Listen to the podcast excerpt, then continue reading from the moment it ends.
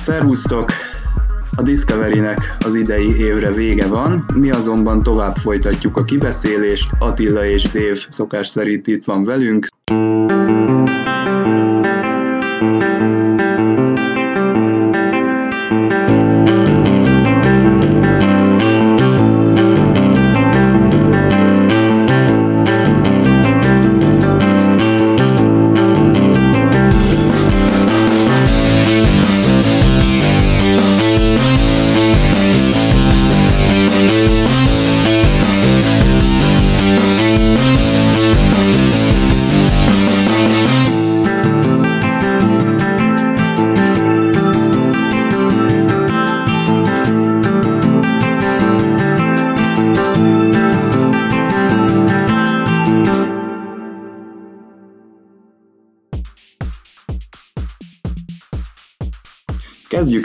Kalendáriummal. Attila, a te segítségedet kérem ebben.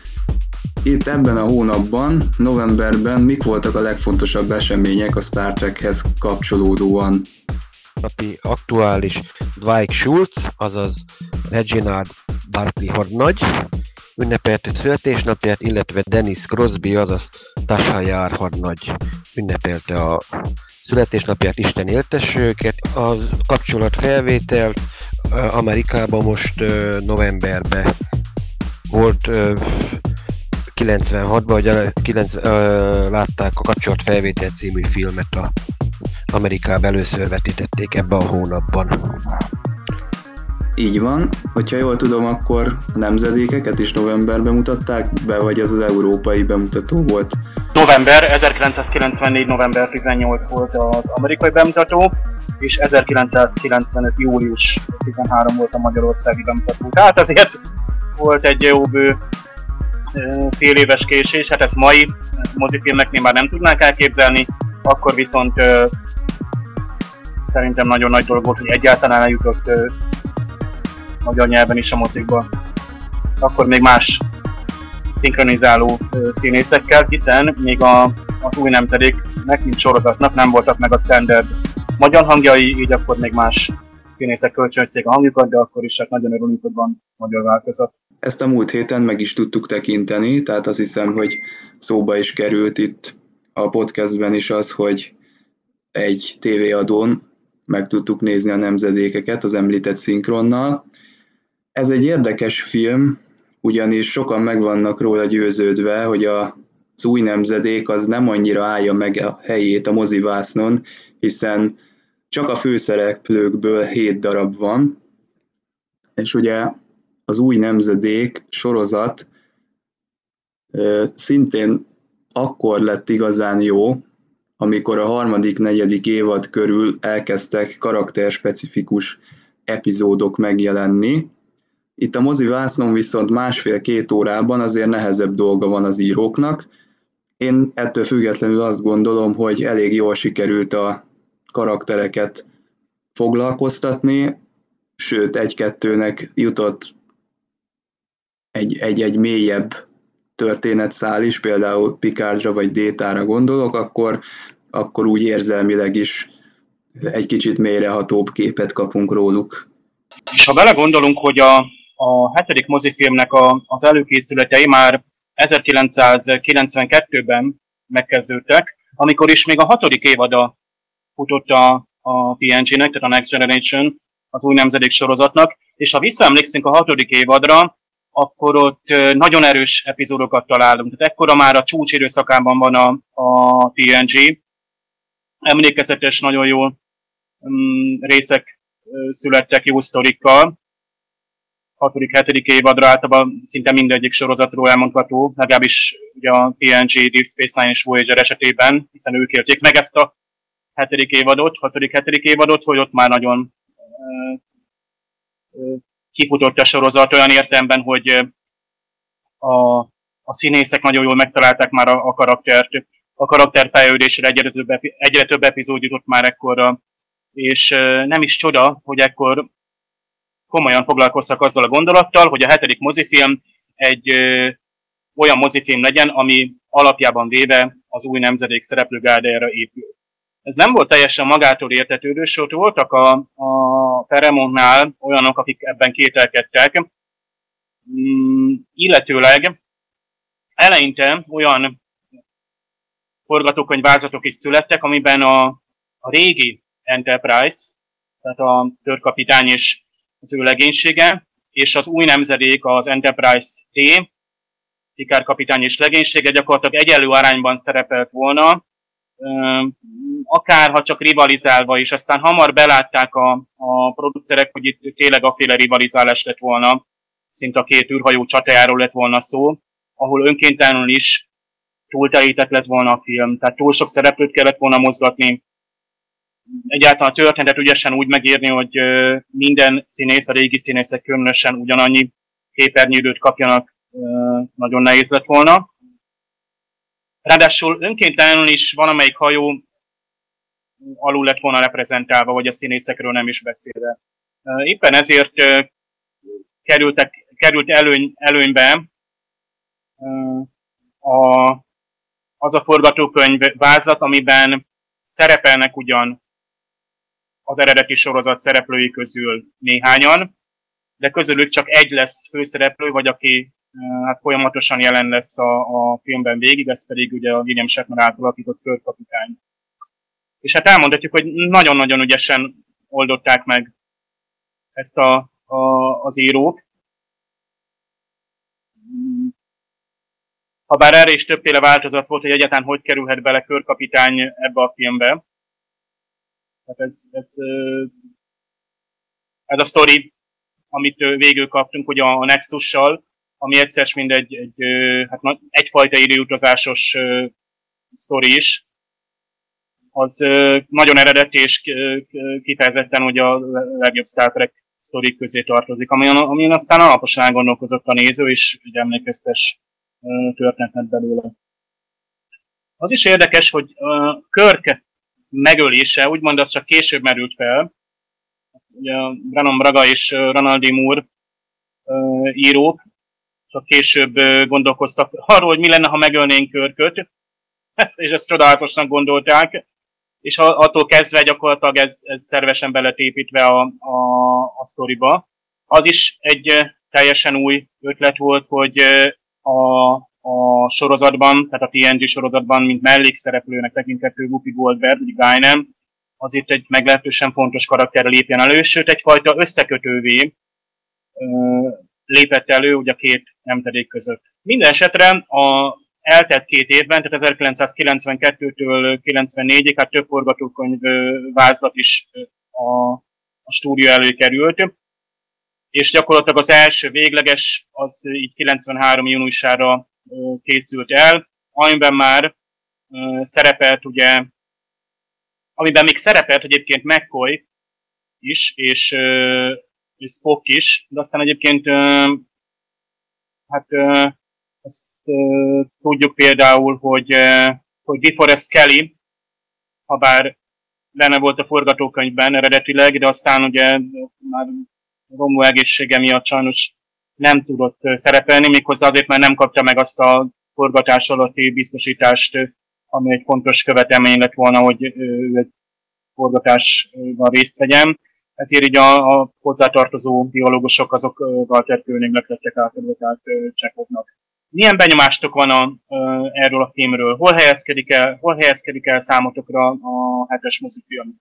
Nekem mindenképpen mondjuk az első négy között van benne, mert tényleg itt ö, tényleg megoldották, hogy itt tulajdonképpen a két tényleg egy generációk találkozása történt, és ö, mondjuk maga az alapötletben is azért van azt mondom, hogy tényleg egy brilliáns, hogy tényleg itt egy, azt mondom, egy évszázadon átívelő történésről van szó, hogy itt igen, az eredet egy, egy megszállott tudósról van szó lényegében a háttérben, aki mindenképpen el akar, ismét a halhatatlan, aki a keresi, űzi. Hát egy ilyen Frankenstein ötlet ismét csak most itt track formában egy, egy tudós, aki el akarja élni a halhatatlanságot, de és ennek a célnak az érdekében bármit meg, meg akar tenni, és nem nézi, hogy most akkor kinek a tyúk szemére lép le, vagy akármit kipusztít el. Egyébként érdekesség Malcolm McDowellról, brit színész, ő játsza ugyebár Dr. Sorent, ő mondjuk éppenséggel nagybátyja a DS9-ban a hajó orvost alakító színésznek, Alexander Siddig Elfadilnak, ö, anyai nagybátyja, mert az ő ö, Siddig Elfadil édesanyja ö, unokahuga volt ö, Malcolm McDowellnek. És tényleg egyébként itt, a, itt láthattuk azért az ent, ö, új hajót látunk egyébként, ami sajnos csak egyszer szerepel itt tényleg sorozatban, hogy az Enterprise látjuk, láthatjuk, hogy tényleg itt gyönyörűen megoldották a belső dizájnt is, hogy szinte katonai zsargonból, hogy szokták mondani, visszatervezték a régi a Constitution utáni Excelsiorra, rátervezték a Galaxy osztálynak a ö, belső híd dizájnját, csak száz évvel korábban, hogy tényleg megvan minden, hogy a taktikai pult ugyanúgy ott van a kapitány háta mögött, az, a hídon mindenkinek az el, a posztoknak az elosztása, minden, hogy igen, ezt igen, az, az ember tényleg itt minden percben tényleg meg tudott lepődni valamin, hogy hiába úgy sejtette, hogy na, győz a jó, de igen, voltak, voltak benne olyan megoldások, amiket nem lett volna, nem számított volna. És tényleg itt, ahogy ez Dave is említette, hogy tényleg itt a karakterekre is rámentek, hogy tényleg itt, itt látszik először egyébként tényleg egy mozifilmbe, itt a TNG alapján is, hogy a kapitány is tulajdonképpen a saját démonaival elkezd küzdeni, hogy ő is szembesül, Picard kapitányt láthattuk, hogy szembesül azzal, hogy ő se halhatatlan, és a rokonsa, rokonai közül is azért meghalnak, hogy már nincsen élő rokona, mert az, aki az unoka testvére, testvé, a René testvérének, a fia René, aki az ő hatására belép a csillagflottába, balesetben meghal, hogy már rajta kívül nincs senki, tulajdonképpen őt is megkísérte a halhatatlanságnak a gondolata, hogy, hogy mi lesz, hogy ő, ő vele gyakorlatilag a pikárdoknak vége, kész, nincs tovább nagyon sok elgondolkodtató szál került benne, hogy tényleg több rétegbre lehetne felboncolni a filmet a, a hagyományos történeten kívül. Abszolút egyetértek. Én tovább emelem a tétet, meg fogtok lepődni, ugyanis nekem ez a kedvenc Star Trek mozifilmem. Ahogy elmondtátok, itt rendkívül sok szereplő van megmozgatva. A főszereplőkön kívül is, tehát az már önmagában elegendő, hogy hét darab főszereplőről beszélünk, és mindenkinek jutott valamilyen történeti szál. Ugye Pikárnak, ahogy említetted, Attila a, az elmúlással, a gyászsal való küzdelme. Egyébként ez Ronaldi Mornak egy eléggé visszatérő témája, hogyha visszaemlékeztek a The Bonding című epizódra, ami Ronaldi Mornak a debütálása volt, ott is egy nagyon hasonlóan ilyen személyesre vett gyásztéma volt megpendítve, és ugye Détával tudnánk folytatni a sort, aki érzelmekkel kezd megküzdeni, de rajtuk kívül is mindenkinek azért jut egy egy-egy kis momentum a filmben, akár Troyt nézzük neki is, azért jut egy, egy ülés Détával, tehát mindannyian foglalkoztatva vannak, és még rajtuk kívül is ugye, ahogy mondtátok, megjelenik Whoopi Goldberg, Malcolm McDowell, aki nagyon jó főgonosz lett szerintem, tehát van motivációja, nem egy mondva csinált bosszú hadjáratba kezd bele, hanem a saját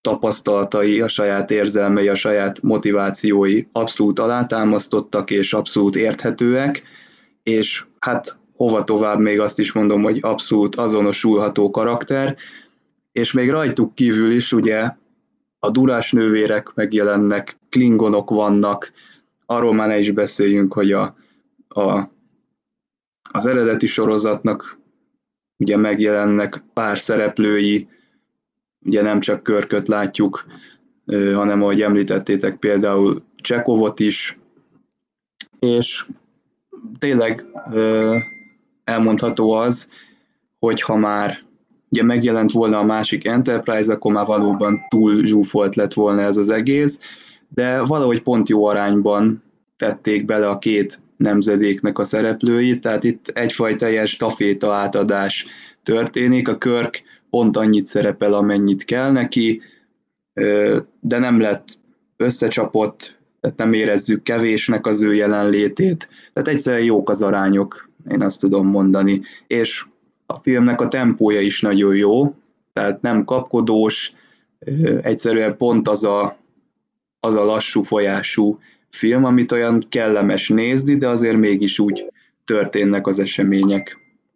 Tehát ugye eredetileg arról lett volna szó, hogy a két Enterprise tulajdonképpen összecsap, annak a küzdelme. Hát e, rajongók egyébként a későbbiekben azért összevágtak egy tényleg egy ilyen Enterprise versus Enterprise variációt, háborút. Youtube-on, YouTube-ben egyébként meg, meg lehet találni, akit érdekel, az nyugodtan üsse be, hogy Enterprise versus Enterprise, és kiadja. A másik pedig tényleg itt, jó, ö, tulajdonképpen ez kicsit kapcsolódik a másik mozifilmhez is, hogy ugye nagyon sokszor itt én is itt találkozok itt a rajongóknál, hogy női sofőrt ne alkalmazzanak a, tényleg itt a csillagflottában, mert ha nőt ültettek le a kormányhoz, akkor az biztos, hogy összetörik a hajó. Hát itt arra értem, hogy azért, amikor tényleg itt a klingonok elkezdik lőni az Enterprise-t, akkor Trojnak kell beugrani a kormányhoz. És hát kvázi tulajdonképpen úgymond azt mondják, hogy nő a volánnál még egyszer nem, és utána ugyanez megtörténik a nemezésbe, és ezt, ezt mondjuk ezt többször itt felvetődik, hogy, hogy tényleg nem is értem, miért ilyen rajongó, egyes rajongókban tényleg az merül fel, hogy Isten őriz, hogy ő még egyszer így, így vezessen, mert egyébként érdekes módon egyébként a TNG-ben sose láttuk űrkompot vezetni például Troy tanácsadónőt. Itt viszont kétszer is úgymond bekerül a kormányos székbe, és mind a kétszer egyik alkalommal a hajó az tropára megy, akkor nem javítható, a másik alkalommal meg jó Pikát parancsára, ezt mondjuk sokan elfelejtik, úgymond egy, egy taranozást hajt végre, vagyis neki megy a másik hajónak. Ez, ez mai napig egyébként vita téma, és hát nehéz így az embereket mondjuk meggyőzni, hogy most akkor melyik, mi, a, mi lenne végül is a tényleges valóság, hogy mi az igazság. A sorrendet én még nem állítottam fel a Star Trek filmek között, pedig hát évek óta próbálok én is ezekre a kérésekre válaszolni, amikor fölmerül, hogy mi a kedvenc film, mit tennél be a top 3-ba, top 5-be. Szinte azt mondhatnám, hogy van egy top 13, aztán időnként változik a, a sorrend. Mm, nagyon jó helyen vannak ezek a, a filmek. Tehát az, én, én szerintem a, a Star Trek filmkönyvtárban is úgy egyetemesen, és a saját személyes mm, ízlésem szerint is valahol ott helyezkednek el, ahol a tökéletes filmek, a legjobb filmek is egyúttal a legjobb Star Trek filmeknek kell helyezkedni. Remek sztorival, kedvenc, kedvenc karakterekkel, és én főleg akkor néztem már sokszor újra a, a nemzedéket, amikor már a, az egész új nemzedéket többször is végignéztem és idővel így kedvenc karácsonyi filmemmé vált például az a film. Persze ott van a karácsony jelenet, amit ugye Nexusban él meg Pikár. Mm, karácsony ugye mindig arról szól, hogy egy, egyfajta idilli, tökéletes mm, körülményeket álmodik magának az ember, aztán abból mit sikerül megvalósítani. A Nexusnak a, a, az idéje az, az egyáltalán az, hogy miért tudunk ott ragadni, hát az, az számos helyen fölmerül manapság is, amikor ugye virtuális valóságról beszélünk, különböző dolgokhoz való ragaszkodással, amit, amit csak elképzelünk, de itt ö, ö, szenzációsan jól meg volt oldva, hogy egy fizikai létsik volt voltak éppen, hiszen Picard maga testi valójában lépett be a Nexusba, hiszen az elragadta őt a Veridian 3-ról, ahogy annak idején körköt ugye az Enterprise B-ről. Tehát ezért nagyon ö, érdekes azt, azt látni, hogy ebből milyen nehéz kiszakadni. Tehát ez, ez, nekem ez alapvető kérdés volt ebben a filmben. És ahogy mondtam, nagyon-nagyon jó arányban vannak, ott Csaba is mondta, hogy a karaktereknek megfelelő idő jó. nem olyan gyors és pörgős akciófilm, mint a későbbiek, de pont ezt szeretjük. Tehát a 90-es éveknek a, a kaland kémiai stílusában készült, amikor még van idő nagy beszélgetésekre is, arra, hogy a néző elgondolkozzon, és az akció sincsen túlhúzva, nincsenek annyira pörgős, túl gyorsa vágott jelenetek, ami alapján a néző csak kapkodná a fejét és zavar bejteni a látvány. Tehát nem a látvány egyre igyekszik meggyőzni a, a rajongókat, hanem, hanem egy nagyon szépen kidolgozott cselekménnyel. Megható és, és nagyon hangulatos film, de ugyanúgy a Star Trek 8 szor után a következő Force Contact is nagy kedvencem, sőt nekem a 9 is. De egyébként nekem az 5 is egyik kedves filmem, tehát egyszerűen nem is tudnám megmondani. Inkább azt kéne felsorolnom, hogy melyik filmekkel van bajom. De azt most nem soroljuk, mert teljesen nem idevaló téma. Inkább még az, hogy micsoda virágkorban született ez a film. Tehát érdemes megemlíteni, hogy 1994-ben jelent meg az amerikai mozikban ez a film. 1994, amikor még javában futott a, a maga az új nemzedék sorozat, sőt gyakorlatilag szinte párzamosan írták a befejező záró epizódok, ugye az All Things, fantasztikus kétrészes lezáró rész, és ennek a filmnek a, a forgatókönyvét. Tehát ilyen áthalásokat is érezhetünk benne. Időben való mozgás itt is, ott is, nagy átívelő cselekmény is komoly. Tehát egy-egy szereplőnek itt konkrétan mind a két esetben Pikárnak a, a személyiségére, érzelmére való erős ráhatással vannak a cselekmények. Ugyanakkor azt is tudjuk, hogy 94-ben már folyik a Deep Space Nine forgatása, sőt, hát javában már ugye az első évad kint van, de már készültik elő a, a Voyager-t. És azt is tudjuk, hogy nem sokba telik, hogy előkészítsék a, a First Contact-et, mert az 96-ban már ki is jött a mozikba. Tehát két év múlva már jön egy következő nagy Star Trek mozifilm.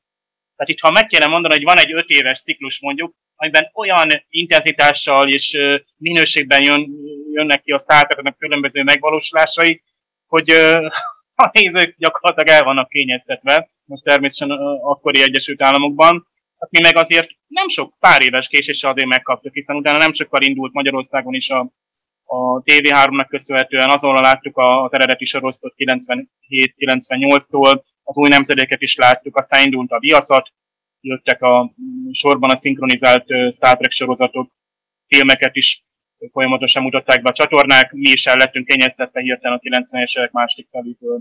Egy aranykor, egy virágkor, amit viszont nem lehet visszahozni.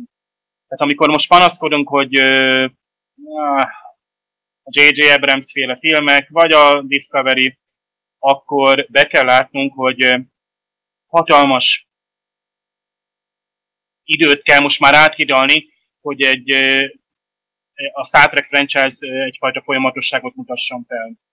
Tehát megszakadt az a folytonosság, az a lendület, amit ez a virágkor nyújtott, amikor is színészek, a produkciós stáb, a stúdió háttér mind ott volt, és hát a díszletet szinte kilincset adták egyik kézről a másikra. Gondoljunk bele, hogy akkor milyen egyszerű volt mondjuk azt mondani, hogy hát akkor most elkezdünk fejleszteni egy párhuzamosan futó másik Star Trek sorozatot is, nem bontjuk le a díszteket, mert felhasználunk azonos korban játszólunk, és felhasználunk díszletelemeket, egyenruhákat. És most milyen nehéz volt ugye előről kezdeni, hiába, hogy hasonló korszakban, de nehéz volt előről kezdeni a mai kornak megfelelő néző elvárásokkal, vizuálisan is, meg forgatókönyv szerint is egy, egy filmet. Tehát nagyon örülünk ennek az időszaknak, én nagyon szeretem ezt a filmet, és bármikor, amikor arról van szó, hogy az interneten zajongással, hogy nem, jó, nem jók az új Star Trek mozifilmek, akkor én mindig azt mondom, hogy teremben van. Azok a mostani nézőknek készülnek, a mostani elvárások szerint, azok is valahol ott vannak a Star Trek hatalmas szövetében. Én nekem meg ott vannak a kedvenceim, egyébként az új filmek közül is valamit szeretek, tehát mm, szívesen újra és újra nézek de az örök kedvencek azok megmaradnak, és ez nagyjából a TNG mozifilm. Tehát a TNG képviselte számomra a leginkább időtálló Star. Ez a mozifilm is most néztem meg múlt héten, Csaba, te is pont akkor nézted utoljára. Egyszerűen lebilincseli az embert. Ott ragad az ember, még a véletlenül kapcsolódva is a tévében. és nem biztos, hogy minden 90-es években készült filmre ez elmondható, de azért elég sokra elmondható, azért azt meg kell mondani, hogy a 90-es évek, amik már technológiában ott van, vizuális effektekben nagyon szépen kombinálják ugye a modelleket, és már azért a, a CGI ahhoz képest azért jól tud bejátszani, kiegészíteni, de még nem pusztán ugye a számítógépes effektek viszik a prímet, éppen ezért maradandó alkotást kapunk, főleg, hogy felújítások után, lásd mondjuk Blu-ray verziók, az új nemzedék és a mozifilmek HD kiadásai, ezek az úgynevezett remastered kiadások gyönyörűen visszaadják az eredeti mozifilmnek a minőségét, főleg azért, mert a modellekkel készült felvételeket digitalizálják be újra, és ott tényleg az eredeti pompájában látod mondjuk az Enterprise.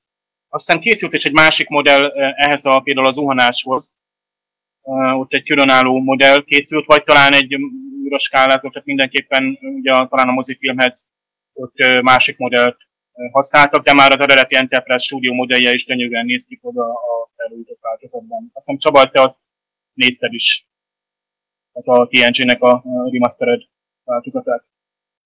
Igen, nagyon jó a film, de emellett azért szerintem említsük meg azokat a dolgokat is, amiken a fejünket fogtuk, miközben újra néztük. Nekem az egyik ilyen momentum volt, amikor Soren ugye fellövi a rakétáját, és az szinte azonnal célba is ér a, a, hát annak a napnak a Veridian 3 bolygónak a napjánál. Hogy történhetett ez szerintetek, vagy benézek valamit? Mert ezt nagyon nem értem. Igen, ezt én sem értem, de én betudom annak, hogy ez egy dramaturgiai fogás, Mm, tehát ami néha valós időben kell megmutatni dolgokat, néha pedig esetleg rövidítve. Tehát ha tényleg ki kellett volna várni, vagy még ha jelképesen is ábrázolna, hogy egy, egy rakéta halad egy nap felé, és ki tudja, mikor éri el, hát az lehetséges, hogy unalmas lett volna. Habár meg lehetett volna oldani, és akkor még növelte is volna a feszültséget, hogy még, még most sem ért oda, még most sem ért oda, közben Picard is ügyeskedik a felszínen, nem tudjuk, hogy mi volt itt az elképzelés. Sok esetben látjuk, hogy a, a Star Trek rengeteg helyen következtesen ragaszkodik, főleg az általa megteremtett ö, univerzumnak a, a, a technológiai standardjaihez, amit már egyszer bevezettek van például ö, fogalmakat, azokat következtesen alkalmazzák. Például, például Okudáiknak köszönhető nagyon sok minden, hogy folyamatosság volt például a technológia megjelenésében és a használt kifejezésekben is. Ez egy olyan technológia, amit csak ebben a filmben jelenik meg, hogy egy rakétát ülnek ki egy napba, ezt most így oldották meg. Nem tudom, Attila, tudsz ennek erről valamit, hogy ez a, volt-e valami ezzel a rakétával kapcsolatban? Semmi utalás, de mondjuk tényleg azért, ott minimum azért 8 perc azért kellett volna, hogy egyáltalán elé legyen naphoz az a drága rakéta, ráadásul Klingon technológia. Igen, ez volt az egyik. A másik meg az, hogy most a ami miatt mondjuk fejemet fogtam, hogy jó, ez ilyen dramaturgiai megoldás, hogy például Na most azhoz, hogy átprogramozzam a pajzsvezérlőt, ahhoz most le kell mennem oda közvetlenül. És akkor fogok, felveszek egy szerkezetet, és akkor hoppasz pont beleillik, oda rakom, és már rögtön nem energiapajzsot feszítek a hajó köré, hanem egy tényleg egy antianyag sugarat imitálok ez volt, ami mondjuk nekem egy másik dolog, ami így furcsa, de hú, annak idején összeszedtem egy jó pár dolgot így a mozifilmekkel kapcsolatba, valahol meg is van egyébként az interneten, hogy így összeszedtem az ilyen apróságok, hogy mik voltak azok, amik a mozifilmekben így feltűnt nekem anomália. Én még a produkciós háttérrel kapcsolatban olvastam egy-két érdekességet, hát például itt említettük hát, ö, szegény McCoy hogy ő, ő nem szerepel, tehát DeForest Kelly, bár ő is hát gyakorlatilag így visszautasította a szerepelt. De mi van Spockkal? Tehát miért nincs ott ő a, az első jelenetekben? Tehát Leonard Nimoynak, aki a, a 3-as, 4-es, meg 6-os filmnek a, a fejlesztésében nagyon komolyan már a kezdetektől részt vett. Miközben ugye ő szimultán ott ugye egyáltalán a forgatókönyvírásban, rendezőként, producerként is tevékenykedett, tehát nagyon aktívan. Mondjuk a hármas filmben könnyű volt egyébként, ugye, hiszen Spocknak kevés szerepe volt, de hát aztán a 4-es és 6-os filmben azért ő aktívan részt vett. Ugyanakkor a 7-esben meg nem akart, vagy nem érdeklődött annyira iránt. Tehát elolvasta ugye Rick Bermannek a forgatókönyvét, pontosabban ugye pont az volt a baja, hogy a teleírt Spock jelenetek, és igazából csak néhány sor volt, hiszen aféle cameo föllépés lett volna. Bár ha úgy veszik, akkor a, az eredeti szereplők azok tényleg csak ö, néhány soros szöveget kaptak, tényleg csak egy bevezető, átvezető a William Shatner leszámítva. Szóval ilyen módon Spock is, tehát Leonard Nimoy is csak néhány soros szöveget kapott volna, és ő igazából az az öt vagy hat mondat, ami Spockhoz volt rendelve, az Nimoy szerint nem igazán jellemzőek voltak Spockra. Tehát bármelyik karakter elmondhatta volna, nem lett volna a különbség. Hát mi sem mutatja jobban, mint hogy, mint hogy ténylegesen a nézők se vették észre, tehát senki sem mondta azt, amikor láttuk, amikor kimondta ezeket a mondatokat, hogy hé, hát ez, ez biztos a Spock mondta volna eredetileg, vagy hé, ez olyan Spockos volt. Tehát valószínűleg azért Nimoynak igaza lehetett, nem? Hát pedig Spocknak jellegzetes szavajárása is voltak, ahogy McCoy Dokinak is, és, és pont az lett volna egyébként kellemetlen, ha az ő jellegzetes mondataikat át, átadják más színésznek. Így viszont, hogy gyakorlatilag nem volt komolyabb tartalma vagy vonatkozása, így, így nyugodtan át lehetett adni. Például ugye, hogy említettük, hogy a McCoy Dokinak a, hát a szövegi részét azt a, a Csekov kapta. Igen, hát a kapitány baj van a székével, azt ugye mondhatta volna a Spock is, de én ezt is csak akkor vettem észre, vagy akkor tudatosult bennem, amikor, amikor már én is utána olvastam, hogy Leonard Nimoynak átadták a, a szövegeit. Még további érdekesség, hogy Malcolm McDowell, akiről én is azt mondom, hogy jó volt főgonosznak, a színész is, és a karakter is egy, egy olyan figura volt, akivel pont, mint a jó főgonoszokkal bizonyos szinten tudunk azonosulni, a motivációit megértjük, és egy bizonyos szintig elfogadjuk. Nyilván a tettei meg a módszeré már azok nem. Elfogadhatók, és ő is megfelelő módon lett ábrázolva, nem volt túl hajtva, tehát ugye ismerjük a képregényfilmekben az ilyen figurákat, amikor egy komolyabb felvezetés után ezek a végső jelenetek például nagyon silányra sikerülnek, vagy gyenge szövegekkel mutatják be. Itt nagyon jó volt ábrázolva, főleg a, a háttér.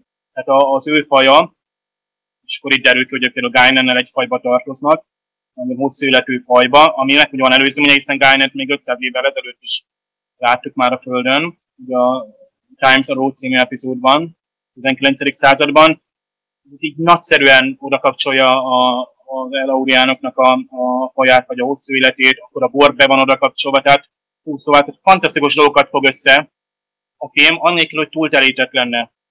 Vagy annélkül, hogy azt éreznéd, hogy ez az egész Star Trek univerzumot ismerni kell, hogy ezt a filmet értsed. És ez a jó Star Trek film, hogy amikor kilép az új nemzedék meg ugye kilépett az eredeti sorozat is a, a vászorra, akkor ö, nyilvánvaló, hogy ugye hatalmas kétségeket jelentett. Tehát hiába van itt megtámogatva, hogy, hogy hozzuk a színészeket, akik már akkor nagyon ismertek voltak, meg hát amikor már az új nemzedék is 6-7 éve futott, akkor azért van egy ismertség. De mindig van egy rizikó mozik, moziba bevény egy alapvetően a kisképernyőre készült ö, ö, sorozatot. Gondoljunk itt például a, a, arra a dramaturgiára, amire, hogy mennyire lassú kifejtésű volt eleve a, a TNG, mint sorozat.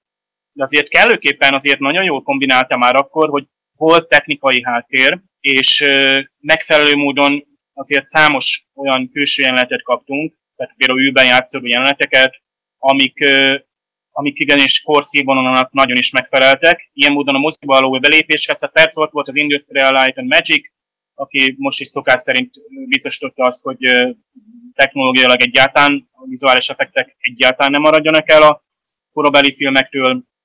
Tehát ilyen módon teljességgel logikus döntés volt, hogy most már az új nemzedék lép ki a mozivászóra. Ahogy itt ti sorban néztétek a Star Trek mozifilmeket, akár időbeli sorrendben, vagy amikor így először láttátok, akkor gondolkoztok arról, vagy vártátok, hogy az új nemzedék után majd a Deep Space Nine, vagy a Voyager is, netán az Enterprise is mozivászóra fog lépni? Úgy számítani nem számítottam rá, de reménykedtem benne, hogy akár Persze az elején is úgy voltam, hogy mondjuk ott a Kirk, Spock, McCoy hármast ott nem lehet überelni, míg az ember tényleg nem ismertük meg a TNG-t, hogy tényleg, hogy hát Enterprise Kirk nélkül, hát az ember szinte egy szentségtörésnek érezte volna, mielőtt nem látta az új nemzedéket, hogy tényleg ez egy nagy lépés volt akkoriba. De szerintem az, hogy tényleg itt mindegyik, itt a maga korában mindegyik megállta a helyét. Akármelyik kapitányt, vagy és a csapatját nézzük. Csaba, neked voltak elvárásaid, vagy arról gondolkoztál, hogy milyen jó lenne egy olyan mozifilm, amiben esetleg a még egy újabb nemzedék, tehát a Deep Space Nine Voyager is bekerül, amit az Enterprise nehezen tudtuk volna elképzelni, ha bár egy időutazással bármit meg lehet oldani. Hú, hát igen, eléggé. Tehát ahogy Attila is mondta, számítani én se számítottam rá, de nagyon határozott elképzelések vannak a fejemben. Például a Deep Space Nine-nak a vége az, az eléggé bizonyos szempontból lezáratlan maradt, és szerintem egy mozifilmben meg lehetett volna oldani, akár ezeknek a félbehagyott sorsú karaktereknek a további kibontakozását, akár a Dominium háborúnak egy, egy utóhatását, vagy egy szép lezáró csatáját meg lehetett volna valósítani. Ugyanígy a Voyager-nél is mondjuk elő lehetett volna készíteni a sorozat végén egy, egy nagy hazatérési ö, szituációt, és akkor azt egy mozifilmben kicsúcsosítani. Enterprise-nál abszolút el tudom képzelni mondjuk a Romulán háborúnak a, a megvalósítását egy, egy ilyen mozifilmben, tehát én azt hiszem, hogy ö, bőven elfért volna minden sorozatnak a, a legénysége egy-egy mozifilmben, de ez, ez lehet, hogy csak egy, egy ilyen rajongói ábránd, sőt, hát biztos, hiszen ezekre már nagyon kevés esély van, hogy valaha látni fogjuk. Ugye nem, nem feltétlenül úgy kellett volna ennek megvalósulnia, hogy ilyen mindig egy ilyen staféta átadást lássunk, tehát hogy Picard is benne legyen, a Deep Space Nine mozifilmben, utána a Cisco is benne legyen a Voyager mozifilmbe, de ettől függetlenül szerintem külön-külön ezekkel a legénységekkel lehetett volna mozi léptékű történeteket is elmesélni. Igen, és ebben elég sokáig reménykedtünk, tehát még a nemezés után is, és pláne akkor, amikor azt mondtuk, hogy hát ott van a, a, a nemezis utáni időszak, ami egybeesik a Voyager hazaérkezése utáni időszakkal, ott nagyszerű mozifilmet lehetne készíteni, ami, ami tényleg több generáció, több legénységet fog össze.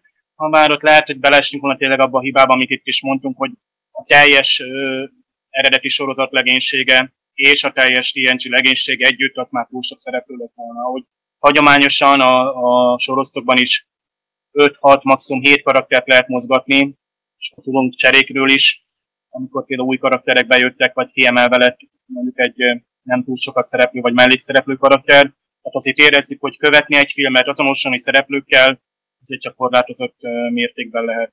Habár ebbe végig reménykedtünk, tehát aztán teljesen más utat vett a, a, a Star Trek mozifilmek világa, nem vesztesen egy óriási szünetet, ha már ott sem volt akkor a szünet, mert volt, voltak tervezve, tehát talán már 2005-6 környékére volt tervezve mozifilm, ami aztán újból és újból ugye halasztódott talán az Enterprise-nak a, a gyenge teljesítménye miatt nem volt kellő lendület. Hát itt teljesen egyértelmű, hogy miért jöttek itt a 90-es évben két évente mozifilmek.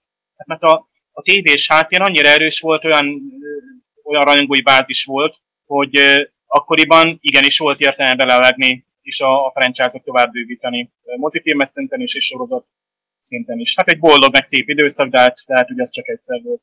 Ez tényleg az a boldog békeidők voltak, hogy igen, hogy a, valamiért tényleg az Enterprise az hiába tényleg né, négy évad, és lett volna tervezve ötödik évad is, és egyszerűen az egész el, elsikkott.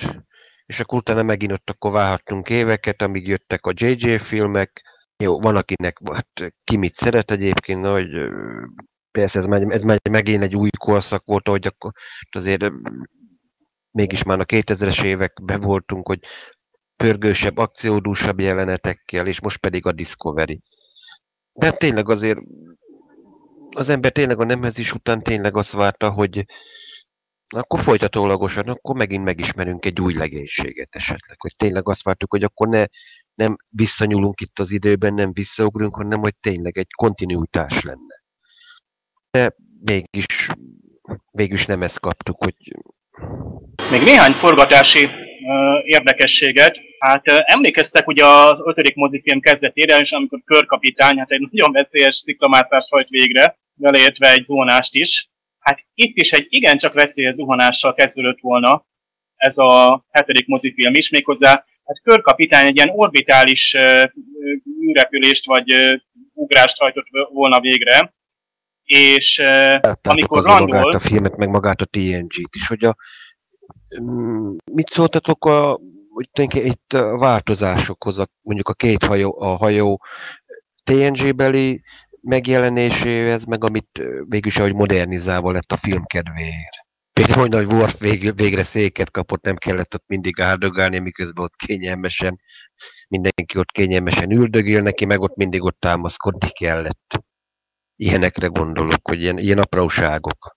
Hát ö, én szerintem pont olyan mértékben tették bele ezeket a kis apró dolgokat, hogy a rajongók azok még nem nem lettek rosszul, hogy úristeni drasztikus változások vannak, és az új mozinézők, ne egy Isten, akik most kapcsolódnak be a Star Trekbe, azok se legyenek rosszul. Tehát jól alkalmazták szerintem ezeket a kis dolgokat. Most ez az zuhanó repülés, vagy nem tudom, eh, ahogy Körk megint egy ilyen extrém sporttal elindította volna a filmet, én örülök, hogy ez nem került bele, mert én nem tudom ezt a filmnek a tempójához elképzelni egyrészt. Másrészt már láttuk ezt, hogy az ötödik filmben ilyeneket csinál a Körk, és ez már másodszorra már szerintem nem lett volna annyira jó, lehet, hogy itt nem sziklát mászott volna, hanem kiugrott volna valahonnan, vagy, vagy, vagy zuhant volna, vagy repült volna, akkor is már sok lett volna, én már soknak éreztem volna. Tehát se a filmnek a tempójában nem illeszkedett volna, és és kicsit olyan ismétlésszerű lett volna, úgyhogy örülök neki, hogy ez kikerült, de ahogy valahol olvastam a, az ezzel kapcsolatos játékfigurát már legyártották a körkből, tehát ilyen akciófigurák kerültek értékesítésre. Tehát akkor végül is leforgatták ezt a jelenetet? Igen, leforgatták a, a jelenetet. Ott ö, azt hiszem a felszínen őt ö, fogadták is volna, talán csak Ovi Scotti, és uh, akkor tájékoztatták volna át, hogy uh, ugye már a, az Enterprise B-nek a, a ünnepségén kellene lennie. Tehát leforgatták, de aztán nem került be, tehát törölték a, a, a jelenetből, vagyis a, a, a filmből. Hát voltak ilyen apró változtások, például szintén körkapitányhoz kapcsolódik, hogy hát ugye a Nexusban láthatjuk az ő szerelmét, Antóniát, és eredetileg hát ő Karol Markus lett volna, viszont aztán a Paramount azt követelte, vagy azt kérte, hogy ezt a karaktert cseréljék le. Hát itt is egy picit itt visszavettek, hogy Shatner legyen a, a központban. Azt, ezt ugye mondjuk azt tudjuk, hogy a William Shatner azért kimondatlanul, és azért az új nemzedék indulásakor azért ő is érezte azt, hogy tehát itt ez a generációváltás 1987-ben történt, azt, azt azért ő, is hát kénytelen volt tudomásul venni, hogy már nem ő körkapitány. Hogy a rajongók azért ott követették, hogy a, hol van a körk és a Spock, Körk, Spock tehát a triumvirátus, annélkül el tudtak volna képzelni új Star Trek filmet. És uh, itt is, ha belegondolunk, 1994-ben ugyanezt teszi meg a, a, a stúdió, hogy szépen lecseréli a mozifilmeknek a legénységét most már, és ott adja át a stafétabotot az új nemzedéknek, ha bár ekkor már az új nemzedék, hát 6-7 évadon keresztül szépen ö, futott és ö, nagy népszerűségre tetszett, ez talán már nem volt olyan, olyan drasztikus váltás a, a stúdió részéről, hogy, hogy ö, kedvenc karakterek tűnnek el. Tehát valamikor át kellett adni át a stafétot, most belegondoltok, hát láttuk is, hogy maguk a színészek is már idősek. Tehát ha, csak ha összehasonlítjuk, hogy azért még csak 20, 25 év telt el ugye az eredet sorozat forgatása óta, tehát ezért hát azért megöregedtek. Bármennyire is kedvenc, kedves színészek ők, de hát az idő azért ott van. És az időről beszélünk, Malcolm McDowellnek volt ez a nagyon jó mondata, hogy az idő az egy tűz, amiben elégünk. Vagy az a tűz, amiben elégünk, hát ez nagyon vészjósol és komor volt kifejezetten, amikor ugye a Pikárnak mondta. Nagyon jó mondat, nagyon kifejező, és nagyon, nagyon, mond, nagyon jó. Nagyon hatásos, és a Malcolm McDowellnek is annyira tetszett, hogy a zsebórájába belegravíroztatta, vagy bele volt gravírozva a, a, egyébként a filmben is láthatjuk azt. Magát a feliratot azt nem tudom, hogy lehetett látni, de aztán szintén ilyen forgatási érdekesség, hogy már vagy 50 napja folyt, folytak a forgatások, amikor is a kapitány székét ellopták a hídról. Talán gazferengik voltak, nem tudjuk. Lényeg az, hogy újat kellett használni, pontosabban újat kellett készíteni, ugye üvegszálból és ugye a habszivacsból. Gyakorlatilag egy, azt hiszem egy első évados keretet használtak fel, és akkor az alapján újra készítették. Egy másik érdekesség Demora Zulut illeti, a Szulónak a, a, a lányát, és uh, ugye bár őnek csak egy rövid megjelenése van, ugye ez érdekes, hogy Kirk megkérdezi, hogy Szulónak mikor volt ideje családot alapítani.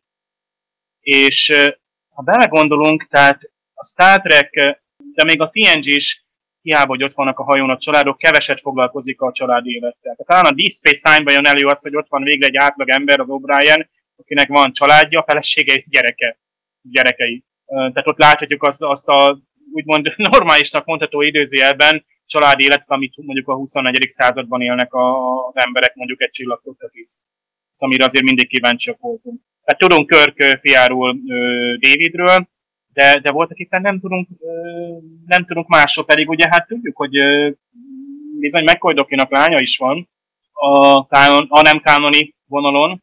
Ő neki ugye már az eredeti sorozat első epizódjában tudunk, hogy volt egy, egy, egy régi, régi szerelem, ami véget ért. De itt egy teljes újdonság, hogy Demora szóló, tehát szónak a lánya megjelenik, és egyébként az is érdekes, hogy a magának a, a szónak lettek volna számba azok a mondatok, azonban itt megint volt egy kis ellentét, hogy hát miért emelet volna egy szólót tenni kormányosra, amikor ő már tudjuk, hogy kapitány. Már ekkor. Tehát, hogy megint beosztjuk kormányosnak, az, az gyakorlatilag nem illet volna a karakterhez, ezért lett megteremtve a szóló lányának a, a figurája, ami egy teljesen jó ötlet, és így legalább, legalább lehetett azt mondani, hogy a szónak még volt ideje családot alapítani is, és a távolíte is így, így meg van magyarázva. Közben gyorsan utána néztem, itt a Blu-ray extrákon megtalálható ez a ö, skydiving jelenet a körkel. Én valahogy erre nem emlékeztem, pedig biztosan láttam már, de tényleg létezik, leforgatták, úgyhogy végül is csak a filmbe nem került be.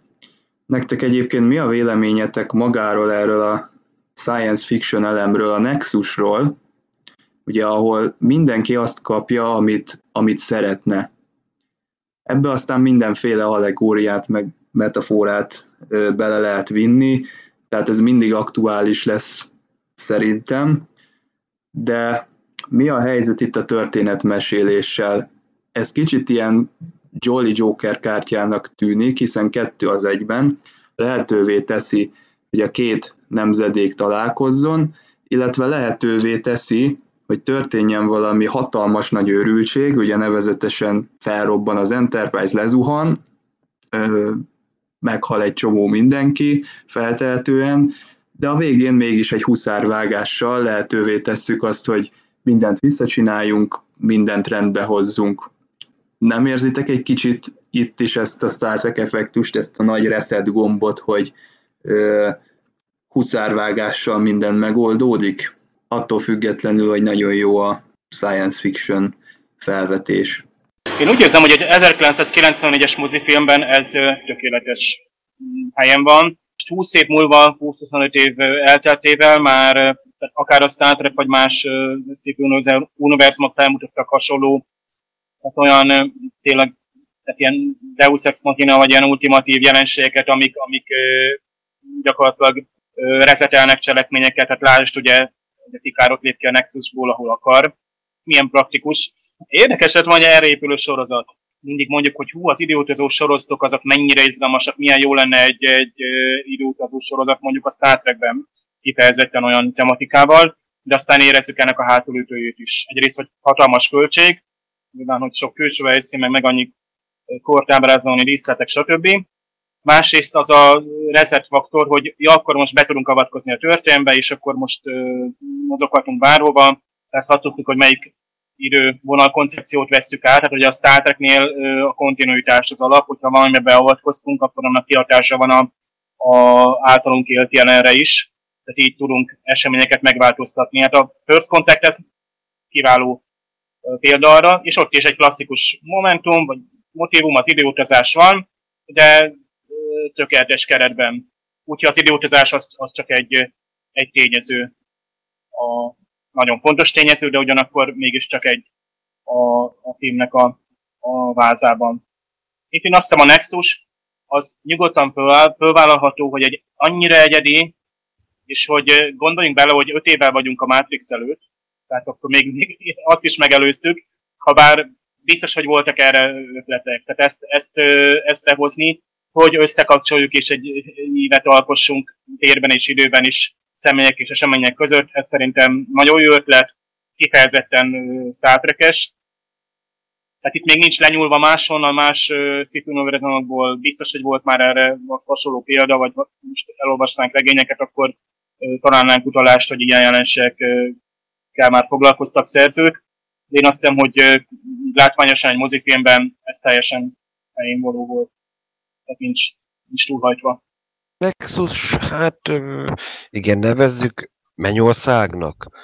Tényleg, hogy egy olyan hely, ahol csoda, Elis csodaországa, vagy valami, tényleg az ember így végignézni, az, visszanézni az irodalomba, találhatna asszociációkat.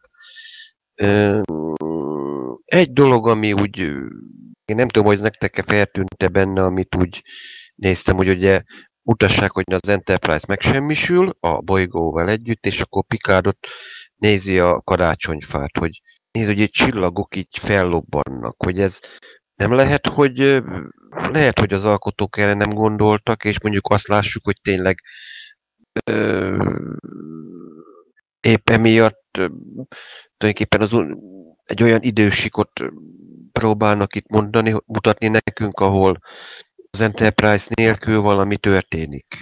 Az Enterprise után, hogy most az Enterprise nincsen megsemmis ebből az úgymond Soren révén mondjuk az idővonalban mondjuk kitörlődik.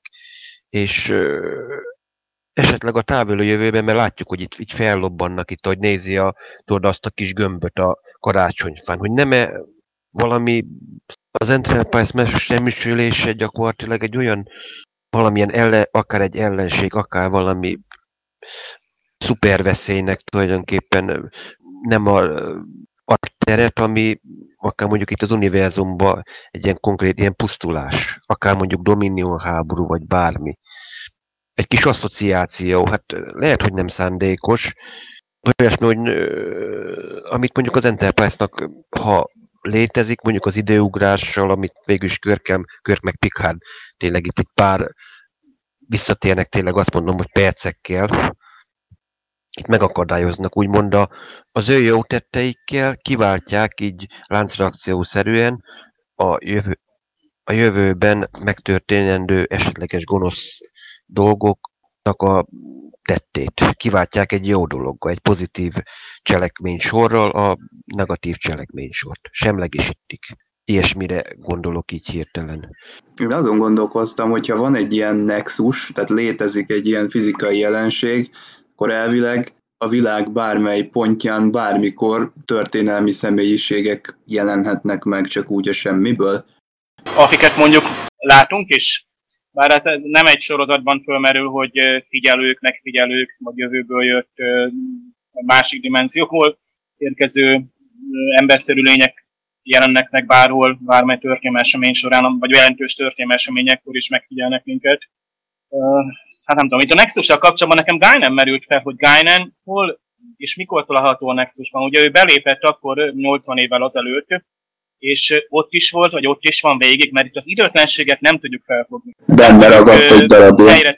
Benne ragadt, és akkor ugye ő ad Pikárnak instrukciókat, de nem lehet, hogy Guinannek ez a látszólagos sokat tudása, minden tudása, amit ugye érzékelünk, akár a, a, a TNG-ben is, tehát tudjuk, hogy ő például látta azt, az, azt a alternatív jövőt, amikor is ugye, amiben végül is még Tasha Jár is ott volt az Enterprise fedélzetén, és gyakorlatilag ő látta, hogy az nem az az időség, aminek folytatódnia kellene.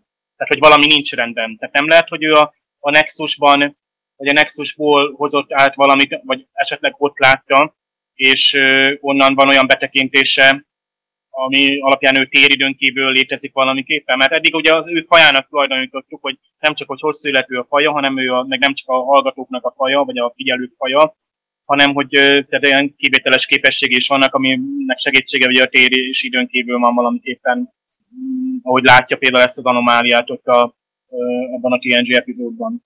Nem lehet, hogy innen szerezte ő ezt a képességét?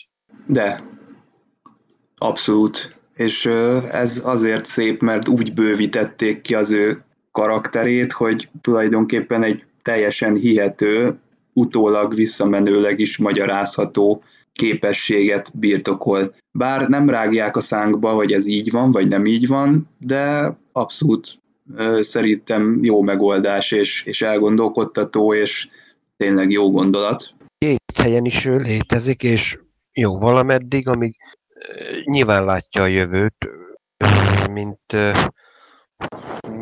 na most a Babylon 5 tudnék vissza utalni, hogy ott ugye a, elő, úgymond az, akivel el, először kezdték mondjuk a parancsnokot, visszaugrik ezer évet, és a volonok ezért látnak előre dolgokat, úgymond, ami a Babilon történik, hogy ott is egy bizonyos idei, bizonyos időpontig látnak mindent előre. Itt, itt nem egy időhúzásról van szó, hanem itt tényleg a Nexus révén időkontinuumba képesek látni, mozogni, de ennek is megvan a maga korlátai. Egy érdekesség még itt, hogy itt említettük a, azt az epizódot, amiben Guinan látja, hogy a, az Enterprise egy alternatív valóságba került, ez a Yesterday's Enterprise nevű epizód volt, és hogy voltak éppen a, a, az ott bemutatott alternatív jelen Enterprise hídja, az ebben a filmben hasznosítva lett. Tehát ez az kicsit más design vagy elrendezés, az, az itt ebben a filmben meg is jelenik. Amúgy elővették a régi Enterprise modellt is, amit még a uh, Encounter-et Farpontnál használtak a pilot epizódokban, tehát azt a hatlábas kettévehető uh, modellt, hiszen itt is ugye szét kell választani a hajót, hajtum és csésze szekcióra, és uh, ugye itt van ugye az a híres jelenet, amikor is, uh, ugye amit már említettünk, hogy uh, Troy parancsnok ül a, ugye a, a kormányhoz. És itt volt egy, egy forgatási érdekesség, azt gondolom te is hallottad Attila, hogy itt egybe akart, hogy a David Carlson rendező forgatni ezt a jelenetet. Tehát, hogy egy olyan akciójelenet legyen, ami, ami a folyamatosságával még jobban életszerű lesz, tehát még jobban beleérik magunkat az akcióba. Manapság ezt a filmekben úgy szokták csinálni, hogyha azt akarják elérni a nézőknél, hogy beleérjék magukat, akkor nagyon sokat vágnak és mozgatják a kamerát. Mint ha tényleg ott lennénk és valami harctéri tudósítás lenne. Hát a régi időkben, a klasszikus filmekben viszont úgy csinálták, hogy, hogy nem vágtak sokat, pontosabban éppen, hogy folyamatosan vettek vágás nélkül, és azáltal fejezték ki, hogy ez egy életszerű és tényleg valós időben a szemünk előtt zajló esemény. Ugyanakkor, hát itt Marina Sirtis színésznőnek volt egy égési sérülése deréktájon, ott miközben talán ott volt valami égő roncsdarab, és amelyik pont ott a, azon a széken landolt, a kormányosi széken, és így ezt a folyamatosságot ott meg kellett szakítani, de ugye egy vágással megoldották. Nem volt súlyos sérülése, és természetesen utána tovább folytatták a, a forgatást. Hát úgy tűnik, hogy a Star Trekben sűrűn előfordulnak az ilyen veszélyes szituációk.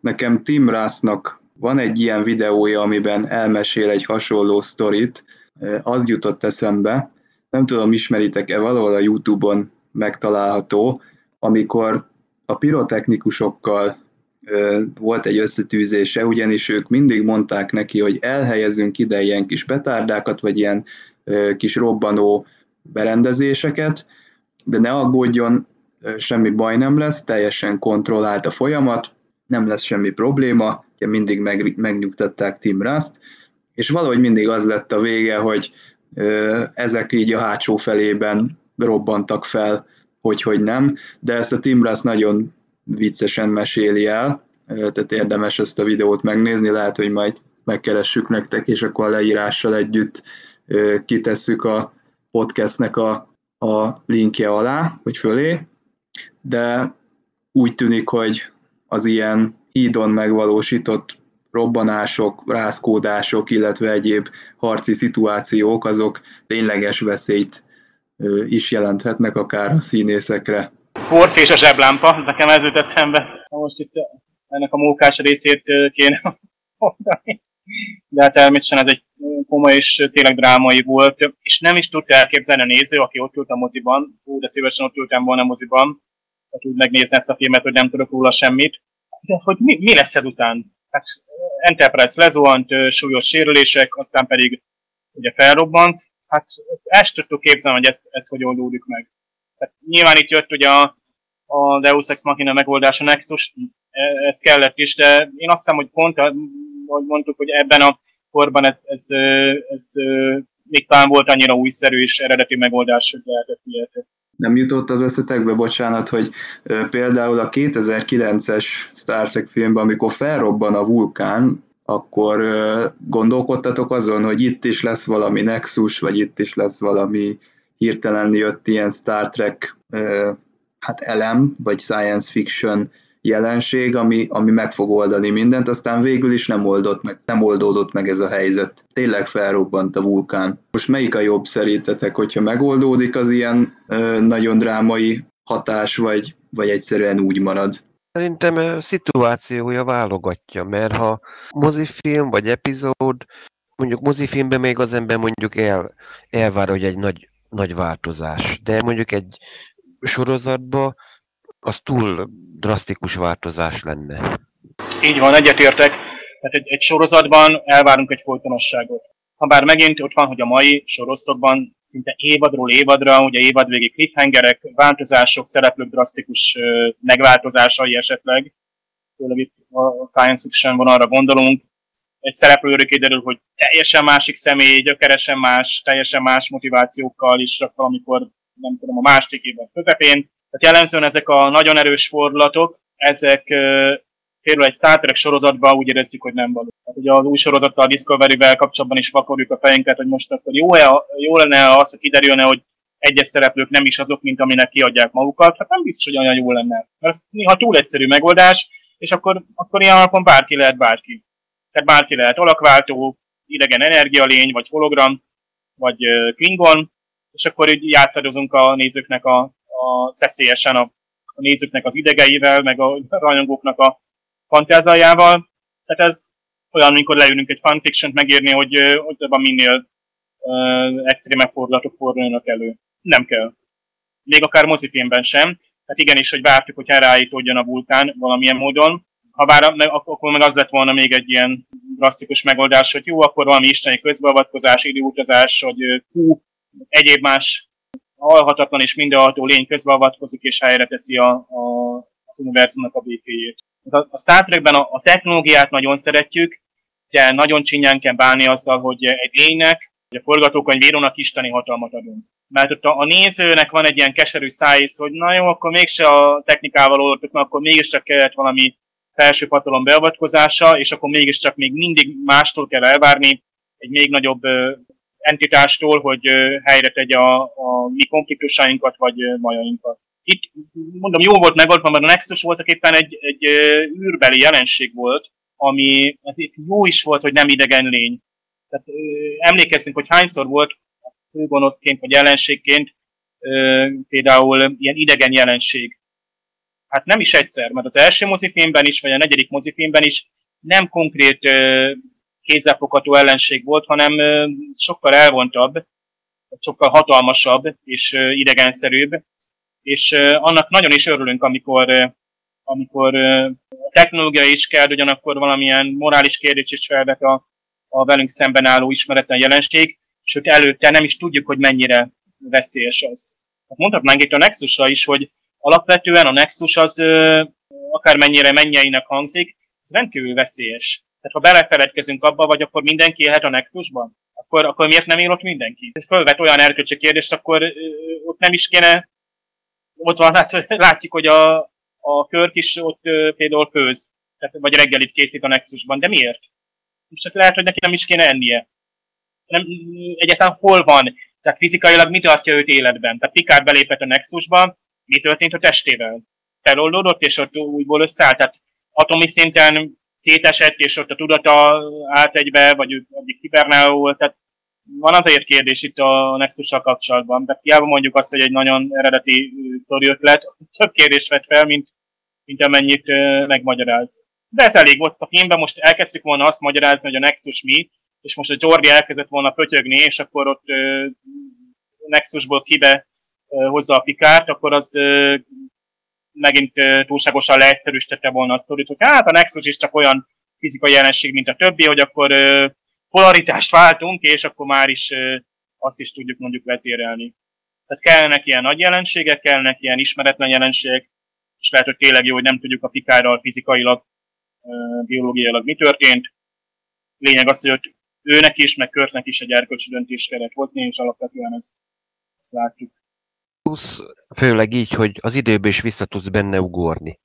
Ez is, ez is egy veszélyes menni, csak benk volt a Nexusba, eszedbe jut valami, hogy jó, ezt nem jó csináltam, akkor visszaugrok, és akkor elkezdek vele tényleg szórakozni, mond az univerzumon, mert előbb-utóbb akkor, akkor mindenki elkezdeni, hogy megunom, rájövök, hogy tökéletes világ, tökéletes világ, de mégse.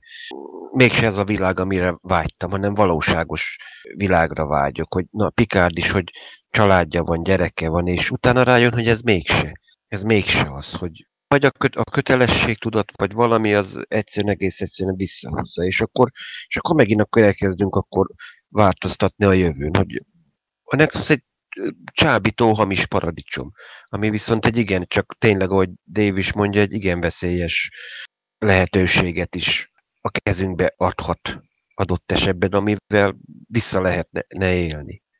Ez egy érdekes kérdés, hogy miért pont Picard az, akinek sikerül egy olyan erkölcsi szintre lépnie, hogy igenis ki tudja mondani, hogy ki kell szabadulni ebből a nexusból. Ugye nem tudjuk, hogy hány ember ragadt már itt a történelem során, de azt látjuk, hogy Körknek mondjuk önszántából eszágába sem lenne innen elmenni. Azt is tudjuk, hogy Guinan sem hagyta volna el ezt a helyet, tehát látjuk, hogy ő is kiszakadt onnan, ugyanúgy dr. Soren is, csak emiatt a kiszakadás miatt lehetséges, hogy, hogy eljött onnan, és tulajdonképpen Picard van egyedül abban a helyzetben, hogy képes önmagát és az egész szituációt kívülről értelmezni, és mindent, minden mást maga mögé utasítani. Az jó is, hogy, hogy Pikádra, Pikártól teljesen el tudjuk várni, és el tudjuk képzelni, hogy igen, ott van erkölcsiségben, tehát tényleg megtestesíti azt, a, azt az emberképet, ami, amit ö, ö, talán Rodemberi megálmodott. Habár ő is egy fejlődő karakter volt az új nemzedék során, de tényleg azt a tartást mutatja nekünk, amivel egy ilyen nehéz döntés is meg lehet hozni. Egy óri, óriási csábítás, a Nexus, az ottmaradás, a család, amire ő mindig is vágyott, tehát olyan érzelmileg annyira leterhel döntés, amit itt meg kellett hozni. Alapvetően ugyanaz a döntés, mint amikor valakinek ott kell hagyni a családját, mert a kötelesség. És a legmegdöbbentőbb itt a Nexusban az, hogy Pikárnak pillanatok alatt rögzül az, hogy igen, ezek az ő gyerekei. Ez az ő családja és háza. Tehát olyan, mintha újraírodott volna a tudata. Lásd ugye a, a, az Inner Light epizódban, amikor 20 perc alatt él át egy egész életet a bolygón, tehát ilyen ö, gyors felülírással memóriába betöltődik a, a, egy egész emberi élet. Voltak éppen itt is, mintha ez történt volna, és ez az óriási hát, csábítás a Nexusban, hogy a, az attitűdöt is átírja, a, az egész személyiségünk megváltozik, mert elhiteti velünk, hogy igenis már 20 éve van családom. Nos, attól elszakadni viszont katasztrofális, mert ha én ilyen revűszerűen egy pillanatra látom, hogy Hát ilyen is lehetne a családom, de ez volt éppen csak egy virtuális tér, és mint egy mozibászontól el tudok jönni, hogy igen, látom, nagyon jó lenne, de nem vagyok benne, nem vagyok a részese. Vagy ez a, ez a egész nem az én részem. Itt viszont ugye beleívódott Pikárban, valamiképpen a Nexusnak a sajátja volt, amit megint csak kérdezünk, hogy hogyan működik akkor a Nexus, csillagközi jelenség révén hogyan adaptálja azt a hatalmas tudást, meg érzelmileg hogyan formálja át az embert. Nem tudom, hogy születette ezzel kapcsolatban regény. Ismer vagy a Star Trek regényeket, hogy mennyire szeretnek építeni akár már ismert jelenségekre, én nem tudom képzelni, hogy van. Ugye tudjuk, hogy William Shatnernek a, a regényei, azok például közvetlenül, ugye a Veridian 3-on történtek után játszódnak, tehát például a Return című regénye, amelyik aztán a második regénye volt Shatnernek, 96-os megjelenésű, tehát ugye a visszatérés.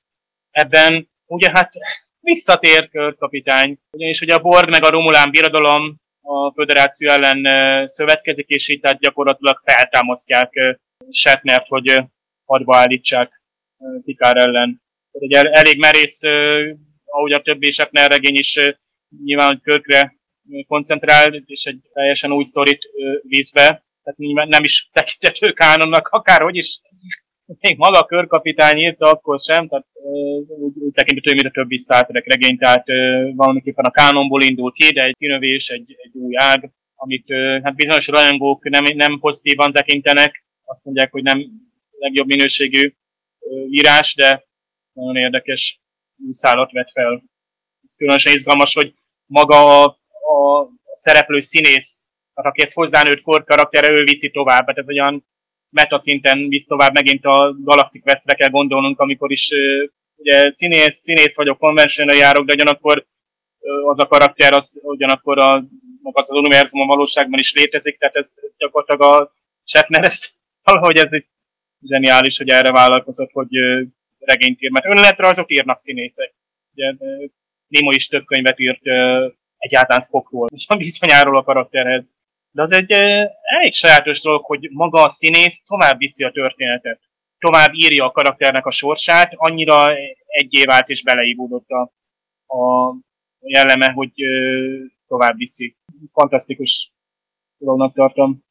Abszolút nekem is a Galaxy Quest jutott eszembe Shatnerről, és ugye ugyan ide tartozik Michael Dorn is, aki szintén megpróbálta, sokáig lobbizott egy Worf ilyen spin-off sorozatnak a megszületése ügyében, és ő nagyon sokáig hitt benne, hogy ez tényleg meg is valósulhat, tehát ez ugyanaz a kategória, és tényleg, tényleg Galaxy Quest-szerű.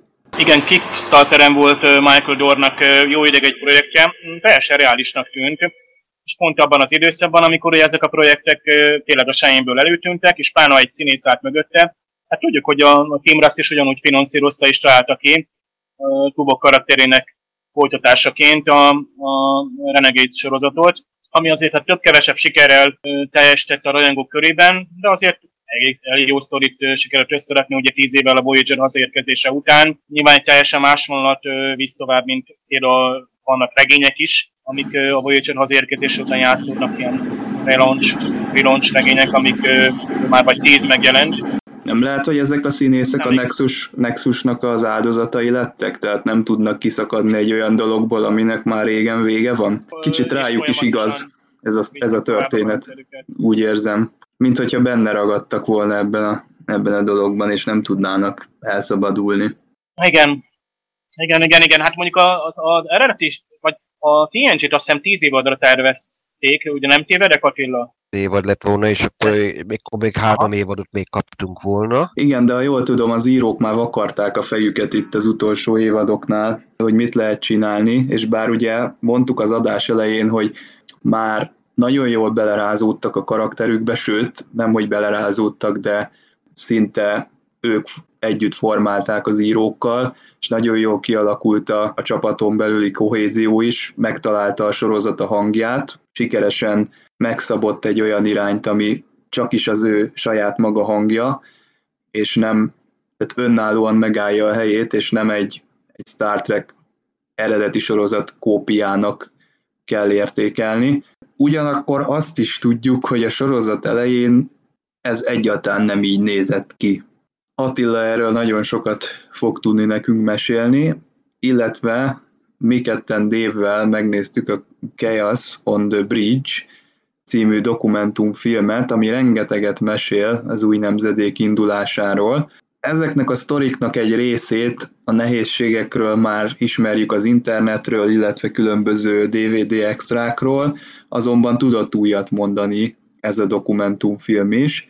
Itt inkább a producereknek a kezdeti időszakban történő ilyen hatalmi harcába enged betekintés, de azért pár sztorit a színészekről is elmond. Igen, és nem is a régen készült ez a, ez a, a dokumentumfilm, hát egy 60 perces dokumentumfilmről van szó, méghozzá hát William Shatner a, a készítője, tehát ő a, a író és rendezője ennek a 2014-es hát egy órás dokumentumfilmnek, és őt azért ott volt ugye a Captains című dokumentumfilm, vagy ugye más dokumentumfilmekben is láttuk őt, tehát mint hostot, műsorvezetőt is. Ami nagyon jó, hogy nagyon érdekes, hogy Jonathan Frakes is láttuk például hostként a ilyen, ilyen szépi rövid sorozatban. Segítstek, hogy mi, mi is volt annak a címe, amiben a, a Frakes volt műsorvezető? Hú, valamilyen rejtélyek nyomában ilyen, ilyen végtelen határokszerű ilyen kis sztorikat meséltek el benne, ha jól emlékszem. Én se tudom sajnos a címét misztikus, megmondani. Inkább misztikus vonal, végtelen határokat. Weltát Wunder, bocsán, német, németül láttam én is, úgyhogy így azt hiszem csak a német címére emlékszem, de megnézem.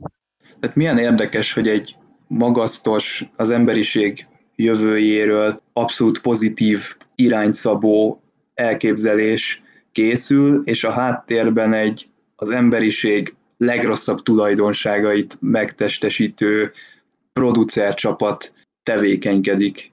Tehát ez annyira megdöbbentő, bár ez nem újdonság, tehát nem akarok túlzottan rácsodálkozni erre, de azért amikor így 60 percbe sűrítve látja ezt az ember, akkor azért mégiscsak arcon üti ez a, ez a fajta kontraszt, vagy ez a fajta interferencia, ami itt jelentkezik. Igen, és valamikor múltkor itt beszélgetésünkben említettük is, hogy micsoda nagy szerencséje volt a Star Treknek azzal, hogy, hogy újra és újra élet és újra megszólította a rajongókat, a rajongók pedig kitartottak, és, és ha bár nem egyszer fordult elő az, hogy egy, egy új sorozat, új mozifilmet nem pozitívan üdvözöltek, hogy a rajongók egy része úgy szóval el is rasított, de azt lehet mondani, hogy a fél évszázad azt mutatja, hogy Star Trek rajongó nemzedéke, ezek igen, igenis, hogy nagyon kitartóak, és a rajongói visszajelzések túlnyomó rész pozitívak.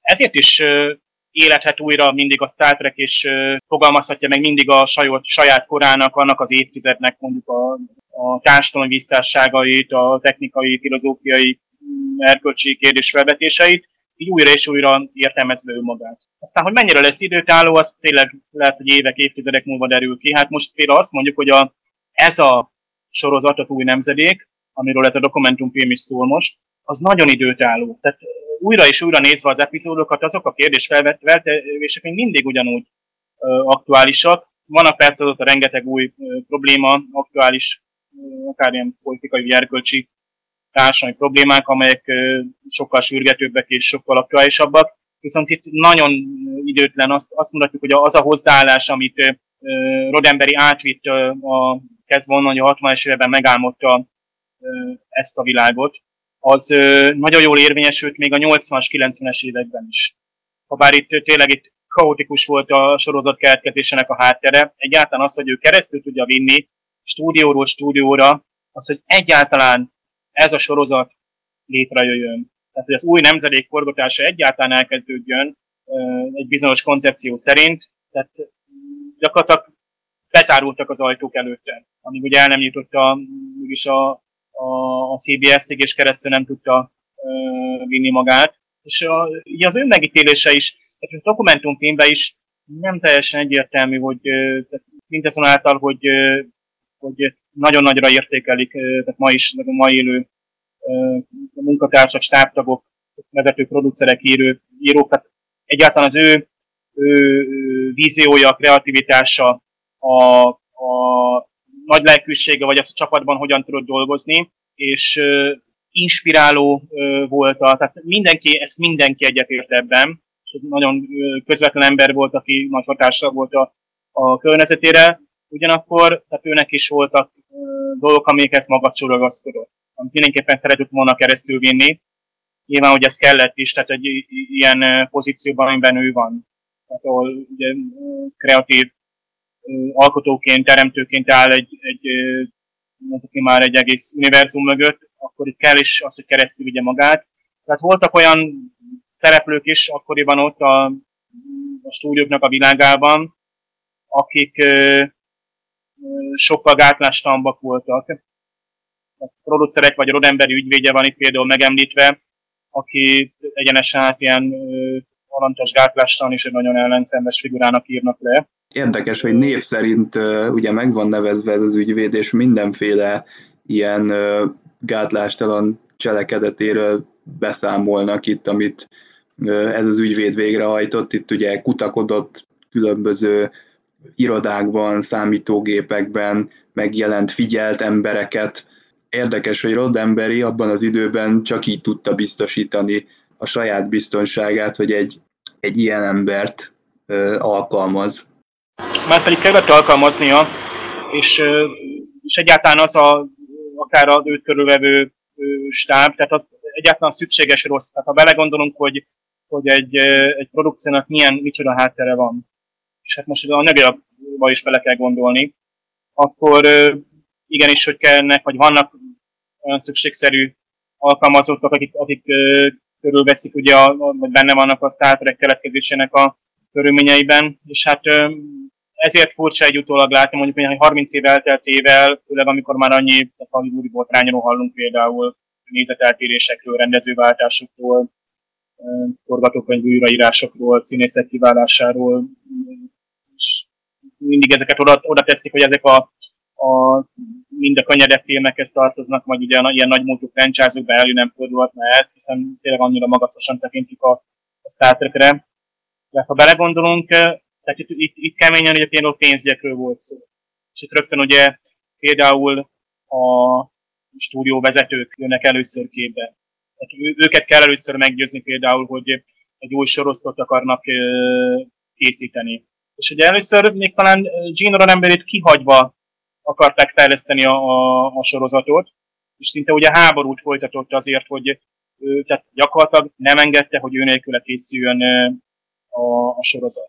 És ezt el is tudjuk képzelni, hiszen ha belegondolunk, hogy a Rodemberi utáni időszak, 91 után mennyire megváltozott, ha nem is azonnal, de azért megváltozott az az elképzelés, amit a, a, az író sokkal szabadabban bántak azokkal az alapszabályokkal, amiket például Rodemberi felállított. Ott volt például az, hogy az írók kezét nagyon megkötötte az a tény, hogy Rodembernek egy alapszabálya volt, hogy nem lehet komoly konfliktus főszereplők, pozitív szereplők, főkarakterek, így a csillagfutatisztek között. És gyakorlatilag a tehát az írók azt mondják, hogy meg van kötve a kezük, hiszen ha nincs konfliktus, nincsen dráma ellentét a szereplők között véleménykülönbség, akkor mire lehet építeni párbeszédeket vagy cselekményt. Hát belegondolunk, hogy hányszor vitatkozott meg Hoydok és Spock. Meg minek elmondja például Spock. Tehát ott, ott érvek és viták hangzanak el, tehát van ellentét vagy ellentétes vélemény a, a szereplők között. És a, a TNG-ben abszolút látszik, hogy ez le van uh, csillapítva.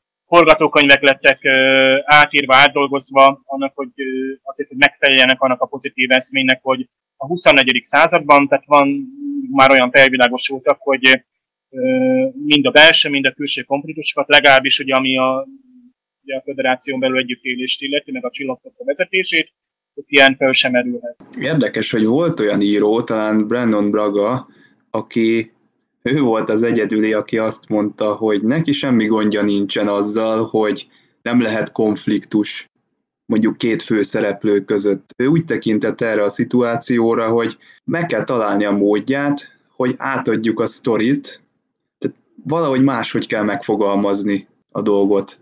De hát a Braga az mindig is egy, egy furcsa, egy különálló utakat bejáró ember volt de javíts ki, Dév, lehet, hogy nem ő mondta, és akkor nagyot égünk, de szerintem ő volt az.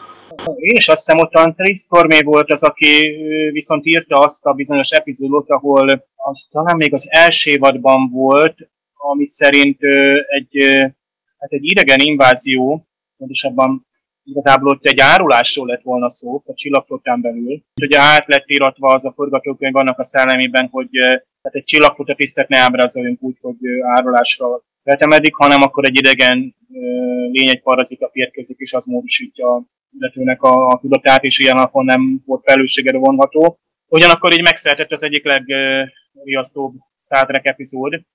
Ma, ma is megérdekném egy jelenetétől. Ja, a kukacevős részről van szó? Meg a fejszét robbantós? Igen, igen. Aha. Igen, igen. Valóban érdekes lett a, a végeredmény.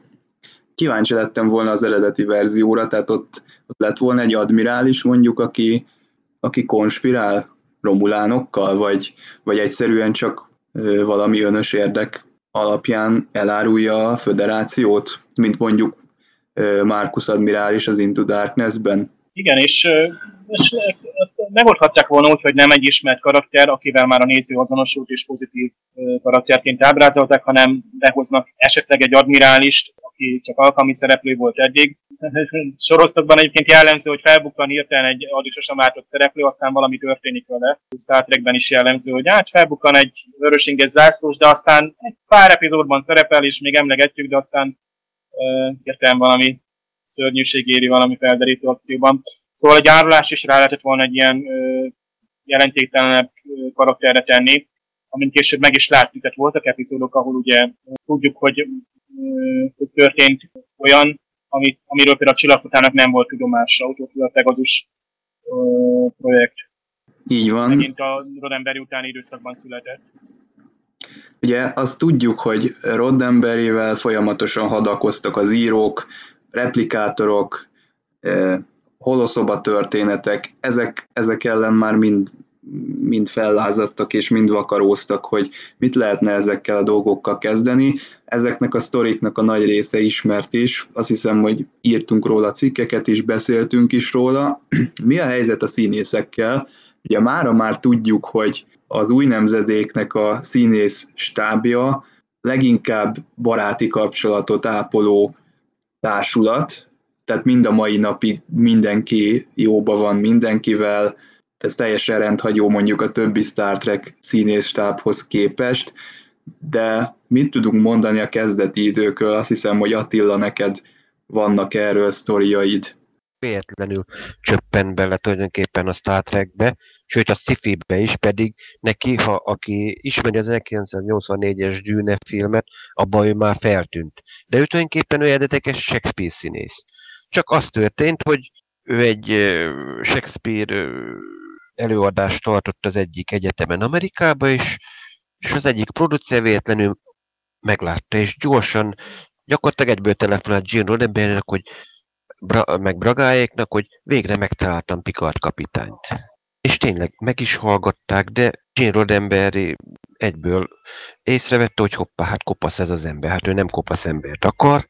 Hát mondjuk Patrick Stewart mondta, hát azt mondja, hát van paraukán minden, na jó, köszönjük szépen, nem kérték. Azt mondták, hogy na majd szólunk, hát majd értesítjük, hát ami klasszikus, hogyha azt mondja valakire, hogy majd értesítjük, akkor jó, elfelejtjük még a címét is, meg hogy létezett, és akkor utána egyszer csak hopp, jött a telefon, hogy holnap reggel jelenjen meg, de paraukával, akkor és akkor tényleg hazatelefonált uh, Sir Patrick Stewart Londonba, akkori fele, els, ö, azt hiszem első vagy második felesége, nem tudom, és akkor az szépen kiment a reptérre, rábízta egy utasra, aki éppen Los Angelesben szólt a repülőjegyen, rábízta a kedvenc parókát George-ot, és Patrick Stewart kiment a reptérre, Los Angelesben megkapta a parókát, megjelent, és meglepődtek az e, meglepődtek Roddenberryék, hogy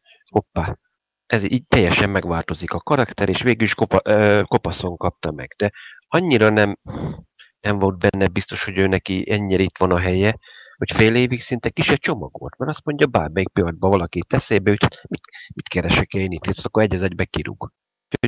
Az eleje az nagy bizonytalanság volt, meg főleg az, hogy tényleg ott, mint tudjuk, Frakes volt, Jonathan Frakes volt itt a nagy mókamester, most, hogy Roddenberry ebben mennyire szólt bele, mennyire nem, mennyire mulattatta a dolog, hogy tényleg Frakes mindig valami kópéságon törte a fejét, és ebbe tényleg a teljes színész csapat, Patrick Stewartot kivéve eleinte mindenki benne volt, hogy tényleg, hogy Patrick Stewart tényleg néha fogta a fejét, nem csak a producerek meg a rendezők, hogy mi folyik itt, hogy itt állandóan csak a tréfán, mókán törték a fejüket.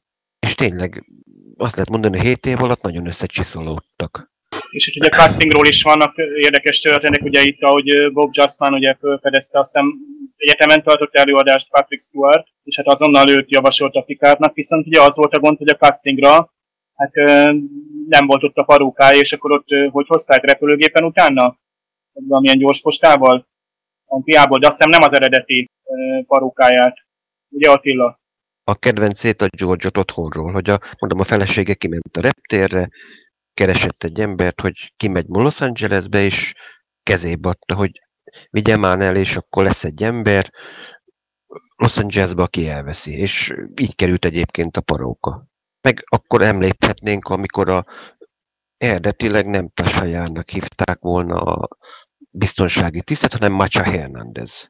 Ő lett volna a biztonsági tiszt hadnagy, és erre két, ketten is, két ö, hölgy szereplőt is meghívtak, mondjuk a két nagy esélyes, az Marina Sirtis lett volna, illetve Dennis Crosby. Na, eredetileg majdnem úgy, úgy nézett ki, hogy na, akkor Marina Sirtis lesz, ugye egy ilyen latinos hölgyre gondoltak eredetileg, de végül mégis Dennis Crosby lett. Hogy Marina Sirtis az visszament a szállodába, hát pont akkor már akkor lejárt mondjuk a munkavállalási engedély is, bankszámlák lenullázva, otthon is csak adósság, hát most választhatott, hogy most vagy hazamegy, mert repülőjegy megvolt, otthon hazamegy a azt mondom szó szerint az adósságba, vagy itt marad Amerikába, szintén az adósságba munkanélküliként, vagy hajléktalanként, ki tudja, és nála fél óra múlt, egy fél órán múlt, hogy na indul a reptérre, amikor Rodemberiek felhívták, hogy hoppá, mégis be kéne jönnie, mert lenne egy szerep, és akkor így kapta meg például a tanácsadói posztot tanácsadóként. És hogyan maradszott Patrick Stewart mégiscsak kopasz? Ugye a casting során ugye ezzel a másik parukával nem volt valami nagyon jó legalábbis ugye Rodemberi, meg a stúdió vezető is, hát egy fiatalosabb, férfiasabb megjelenésű kapitány szeretett volna, tehát szinte másik körköt akartak. És ugye több színészt is meghallgattak, de azt hiszem talán az egyikük idősebb is volt Patrick Stewartnál, a, illetve volt egy színesbőrű, ugye Jeffet Kotó, de azt hiszem talán ő pont Patrick Stewart egy nagyjából is most már 80 felé közeledik. Viszont aztán Rodemberinek annyira megtetszett ott, hogy azt mondta, hogy miért ne lehetne egy kapitány kopasz. Tehát, hogy a 21. században a haj az már, az már nem játszik fontos szerepet, és akkor ilyen módon gyakorlatilag ez volt a, a fő, fő érv, ugye a stúdióvezetővel szemben, hogy igenis nyugodtan lehet. És aztán hát nyilván, hogy voltak ugye nézői ellenkezések, ahogy most is ugyanúgy van, hogy egy, egy, egy új karakter, hogy a kapitányi székbe, az Enterprise kapitányi székébe kiül.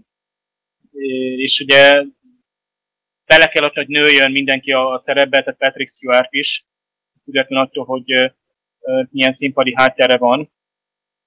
Ugye nagyon érdekes amúgy, hogy, hogy ők gyakorlatilag ugye egy, egy, egy, egy francia katonacsaládból származó tiszté avanzsálták, annak ellenére, hogy erre angol akcentusa volt, brit kiejtése, tehát ez, ez is egy érdekes volt, hogy így mennyire kellett adaptálódni. Ez például most el lehet mondani a Jason Isaacsról, aki szintén uh, angol származású, viszont ő egy délről származó kapitány kell, hogy, hogy eljátszon a, ugye a Star Trek Discovery-ben, tehát őnek is például uh, dialógus, vagy párbesz, tehát gyakorlatilag a kiejtését kicsit csiszolni kellett, hogy, hogy uh, dériesebb legyen az akcentusa, és hitelesebb legyen, mint Gabriel Róta. Ott is tulajdonképpen a alap fő, főszereplők között megint két nem amerikai találunk, pedig úgymond azt mondjuk egy amerikai kultussorozatról van szó. Hát azért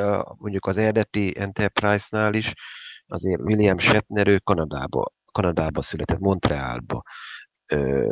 James Doohan, aki ugye Scottet játsza, ő is egy ő meg érdekes módon ugyebár Skótot játszik, de ő valójában a szülei Írországból vándoroltak ki Kanadába. Itt a következő nemzedékben meg tényleg Sir Patrick Stewart na, angolként játszik Amerik, ö, franciát, a, más, a csapatba másik nem amerikai szereplő, az meg Marina Sirtis volt, aki görög ö, szülők gyermekeként Angliába született, és ö, utána lett végül is már a sorozat alatt lett amerikai állampolgár jóval később. Mert egyébként mindenki azt mondom, hogy száz százalék amerikai. És ez ugye a, a forgatáskor is megmutatkozott, hogy meg alapvetően ugye hát a színházi munkáiról ismert Patrick Stewartnak a, a munkafegyelme sokkal komolyabb volt, mint ugye az amerikai színész kollégájé, tehát ugye voltak ezek a, a éneklés és tánca felvételek szüneteiben, amit ugye Patrick Stewart sem nézett jó szemmel, tehát nagyon jó hangulat uralkodott a, a díszletek között. És akkor egyébként van a dokumentumkében, ahogy Shatner erről beszélget, William Shatner erről beszélget Jonathan frakes Frakes mondja is, hogy hát ugyan már Bill, hát nem csináltak ugyanezt a forgatások során. És Patrick Stewart mondja is szintén az interjúban, hogy, hogy nem vették túl komolyan az emberek az egészet. Habár maga Patrick Stewart is, ahogy Attila most mondta, hogy bevallott, hogy ő sem tudta, hogy mi lesz és hogy egyáltalán ez a, ez a sorozat ez, ez adásban marad-e, kisebb pakolt. Nem tudta, hogy hogyan viselkedjen, milyen tartást adjon a, a figurának, hogy mozogjon, hogy beszéljen a kapitán. De mindazonáltal nagyon komolyan vette a szerepét, és mindig tudta a szövegét, mindig pontosan fegyelmezetten részt vett a forgatáskon, még azért ő részt, hogy a, a tényleg fiatalabb kollégáink mintha nem vették volna olyan komolyan, pedig lehet, hogy pont ez a bizonytalanság, vagy a körülmények miatti lazaság volt ez, hiszen azt is hallottuk, hogy a, a körülmények a forgatáskor nem voltak olyan kedvezőek. Tehát hiába most azt mondjuk így utólag, hogy, hogy ma már egy emblematikus sorozat, nagyon komoly hangnemmel és túlnyomó részt tényleg komoly témákkal. A, a hozzá kapcsolódó például a színészek ellátására rendelt költségvetés az, az nagyon silány volt tehát nem volt rendes ellátása a színészeknek. Tehát olyan catering, mint ami mostanában van, külön lakókocsikkal, fürdőszobával, étkezéssel egyáltalán nem volt. Tehát gyakorlatilag szinte koldolni kellett más, ott a stúdió területén úgymond más sorozatoknak a, a büféből. Szóval ennyire le volt nyomva a költségvetésnek az a része, amit ma már, amikor ugye szakszerveztőkről beszélünk, bár akkor is hát mondja Irusztrájk is beszéltünk, amely elkezdette a sorosztot, de úgy tűnik, hogy ez ez egy olyan volt, amit elfogadtak talán a színészek, vagy akkoriban ezek a túlnumeris fiatalabb színészek. Talán annyit jelentett nekik egy, egy sorozatban szerepelni, és egy Star sorozatban szerepelni. De azért ezt így utólag belegondolni, tehát ezekben a körülményekben, ezt megdöbbenünk. is, hogy tényleg mosási lehetőség nem volt, és azért ezek az elasztikus, meg tényleg testes ruhák azért tényleg 8-10 órákat kellett viselniük, hát az ember tényleg óvatatlanul beleizzad, főleg egy zárt helyen, a zárt helyi használattól. Akkor például ott volt a ismeritek a dobozos, a tortát, trojféle tortát, amit egyébként rendszeresen megkapok születésnapomra, köszönöm is egyébként mindenkinek. Ott például a doboznál a nagy probléma az volt, hogy ugye semmi szellőzés nem volt abba a dobozba, hogy és nem két percet kellett eltölteni a dobozba, persze, hogy ott befülned például. Ott meleg hőség, láthatunk olyan képet, ahol népességgel vizes kendővel törölgetik Trojnak az arcát, miközben azért na, folyik a jelenet felvétele közbe. És ugye, na most a maszkoknak is a felvétele, és nem volt azért egyszerű, azért az egyik legnehezebb max az például Michael Dorn, Worf. Neki, neki is azért egy komoly maszkot kellett fel, felvennie minden, minden szerepléshez. De ugyanezt mondjuk elmondhatjuk mondjuk második évattól mondjuk Marina Sirtisről is, mert neki második évattól egy igen komoly műhajat kellett cipelni, szó szerint, mert azért egy tekintélyes súlya volt annak a nagy hajkoronának, hogy neki már negyed hatkor már, míg neki kellett legkorábban érkezni mindig a felvétel, és akkor irányba a sminkes szoba, vagy lakókocsi, és akkor ott őnek álltak el, neki először, hogy akkor feltegyék ezt a nagy hajkoronát. Hát hatalmas különbség volt, hogy egy, egy színésznek komoly maszkra van szükség, vagy pedig egyszerűen csak a, magát a piros egyenruhát veszi föl, de gondoljunk a, a, azokra a különleges fajokra, amiket azért a évadok során látunk, és ott is hát biztos, hogy nagyon komoly beöltözés, főleg egyedi maszkok voltak. Ez ugye megnövelte a költségvetést, tehát a változtos helyszínek, amiért ugye nagyon hálásak vagyunk nézőként utólag, azok nagyon felvitték a költségvetést.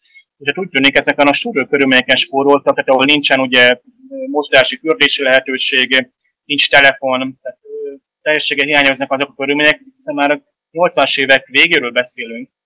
Hollywoodban akkor már nagybetűkkel írják a produkciós költségeket, és úgy tűnik, hogy itt, itt nagyon leszorították, vagy állandóan újra és újra írták és megnyírválták. De hát ugyanez volt ugye a kezdeti években, ugye a forgatókönyvek illetően is, Jane Roddenberry egyszerűen átírta a forgatókönyveket. Talán, ahogy Csaba mondta te is, hogy Brennan Braga volt az, aki azt mondta, hogy ebben még ő lát is kihívást, hogy ehhez alkalmazkodni, de hát több más író azt mondom, hogy nyilatkozott mondjuk Dorothy Fontana, DC Fontana, Melinda Snowgrass, DC Tormé, hogy, hogy Ira Steven Beer volt még az, hogy nyilatkozott, ugye ő a lila szakáló úriember, ugye, tehát megkötve érezték magukat, hogyha nincs konfliktus, nincsenek individuális célok, ellentétek és olyan egyéni kihívások, akkor ott egyszerűen nem lehet jelenfelődés, nem lehet forgatókönyvet írni. És mint egy 30 forgatókönyv, illetve stáb el a, a, a sorozatot a két év alatt. Úgy tűnt, hogy a harmadik évaddal kezdett megoldódni az a képlékeny, illetve harcoktól terhelt helyzet, ami itt a sorozatnak az elején kialakult. Tehát valamikor, amikor Hurley távozott, és Michael Piller kezdte átfogni az egész írócsapatot, akkor kezdte megtalálni a hangját a sorozat.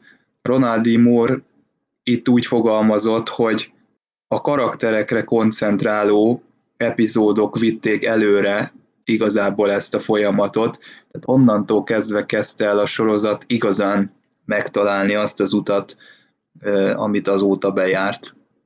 Most kellett is a, a változás, tehát annak ugye Börmen és Hörni ugye teljesen kiszolgálták Rodemberit, aztán amikor ő már keveset, ő mindig néhány nappal a forgatás előtt elolvasta a scriptet, és akkor jöttek ugye a, a, az átírások, tehát így egy író sem lehetett akkoriban biztos abban, hogy, hogy olyan formában jön ki a sztori, ahogy szerette volna, és tehát ha mondjuk azt mondták volna, hogy legyen kék az összes egyenruha, akkor gyakorlatilag akkor az lett volna. De aztán ugye Roddenberry, hát egészségi állapotja miatt is már ugye egyre kevesebbet, tehát így vissza ö, ö, húzódott, és így ö, azt hiszem a Early már csak showrunner lett, és akkor ö, tehát ő, ő azért egy kemény vonalasnak számított ott ezekben az első évadokban, és ugye a, az, hogy Gene-nek az akaratát, Gene Roddenberrynek az akaratát akarta ugye keresztül vinni, gyakorlatilag ugye mindig ellentét volt, hogy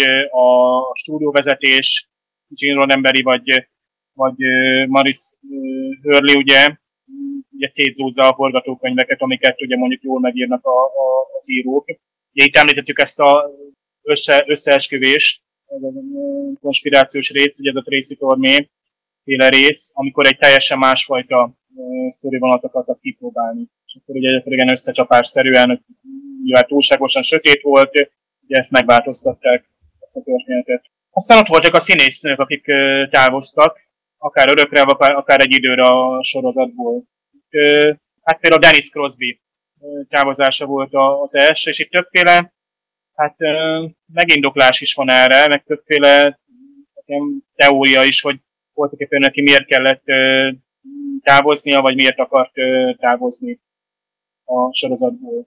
McFadden is, doktor, az is Dr. Crusher is elhagyta egy évadra sorozatot, mint láttuk, és akkor Diane Muldaurt rakták be egy Dr. Pulaski néven egy, egy évig, mert hát itt a pontos okokat itt nem sikerült nekem elő ásni, lehet, hogy ti többet tudtok erről, de én nagyon sokszor előfordult egyébként, ami még ma is téma, hogy na most a a női szereplők, színésznők kevesebbet kapnak, mint a férfiak, és ebből tényleg voltak komoly vitak, viták ott is, nem is egyszer, hogy most akkor ki mennyit kap. Mondjuk tényleg itt erre mondani, hogy nem véletlenül akkor kapta mondjuk a úgymond azt a jelzőt Marina is rá önmagára ott egyébként a vezetőségben, hogy a nagyszájú Marina már megint mit akar, hogy ő azért egy idő után igencsak komolyan kimondta a véleményét, hogy akkor ők miért kapnak kevesebbet, mint a férfi színészek. Utána végig is a Dr. Dr. Crusher szerepére csak visszajött Gates McFadden.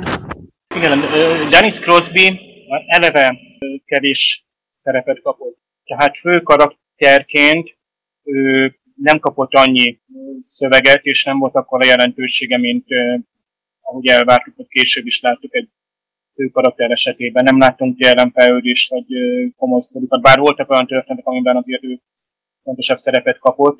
Szóval egyszerűen nem, nem, nem, nem úgy írták egyáltalán a karaktert, és így ő is el akart menni. Ugye volt egy olyan felvetés is, hogy ott például ugye a Warpot jobban kedvelték a nézők, de akkoriban még a stúdió nem reagált annyira közvetlenül például néző levelekre. Pláne látjuk, hogy eleve stúdió teljesen más alapon gondolkozott akár, mint a színészek vagy az író.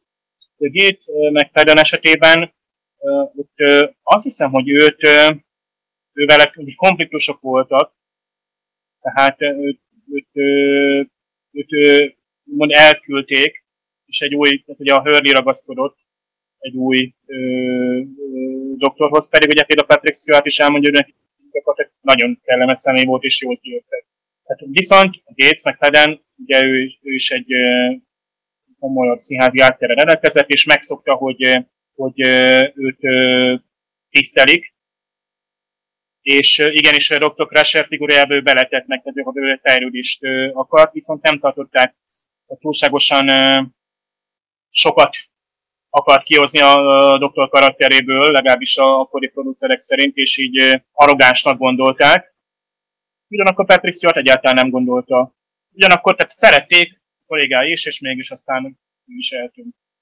Aztán ugye Diana Muldert osztották be a főorvos szerepére, akit már ugye az eredeti sorozatból ismertünk, dr.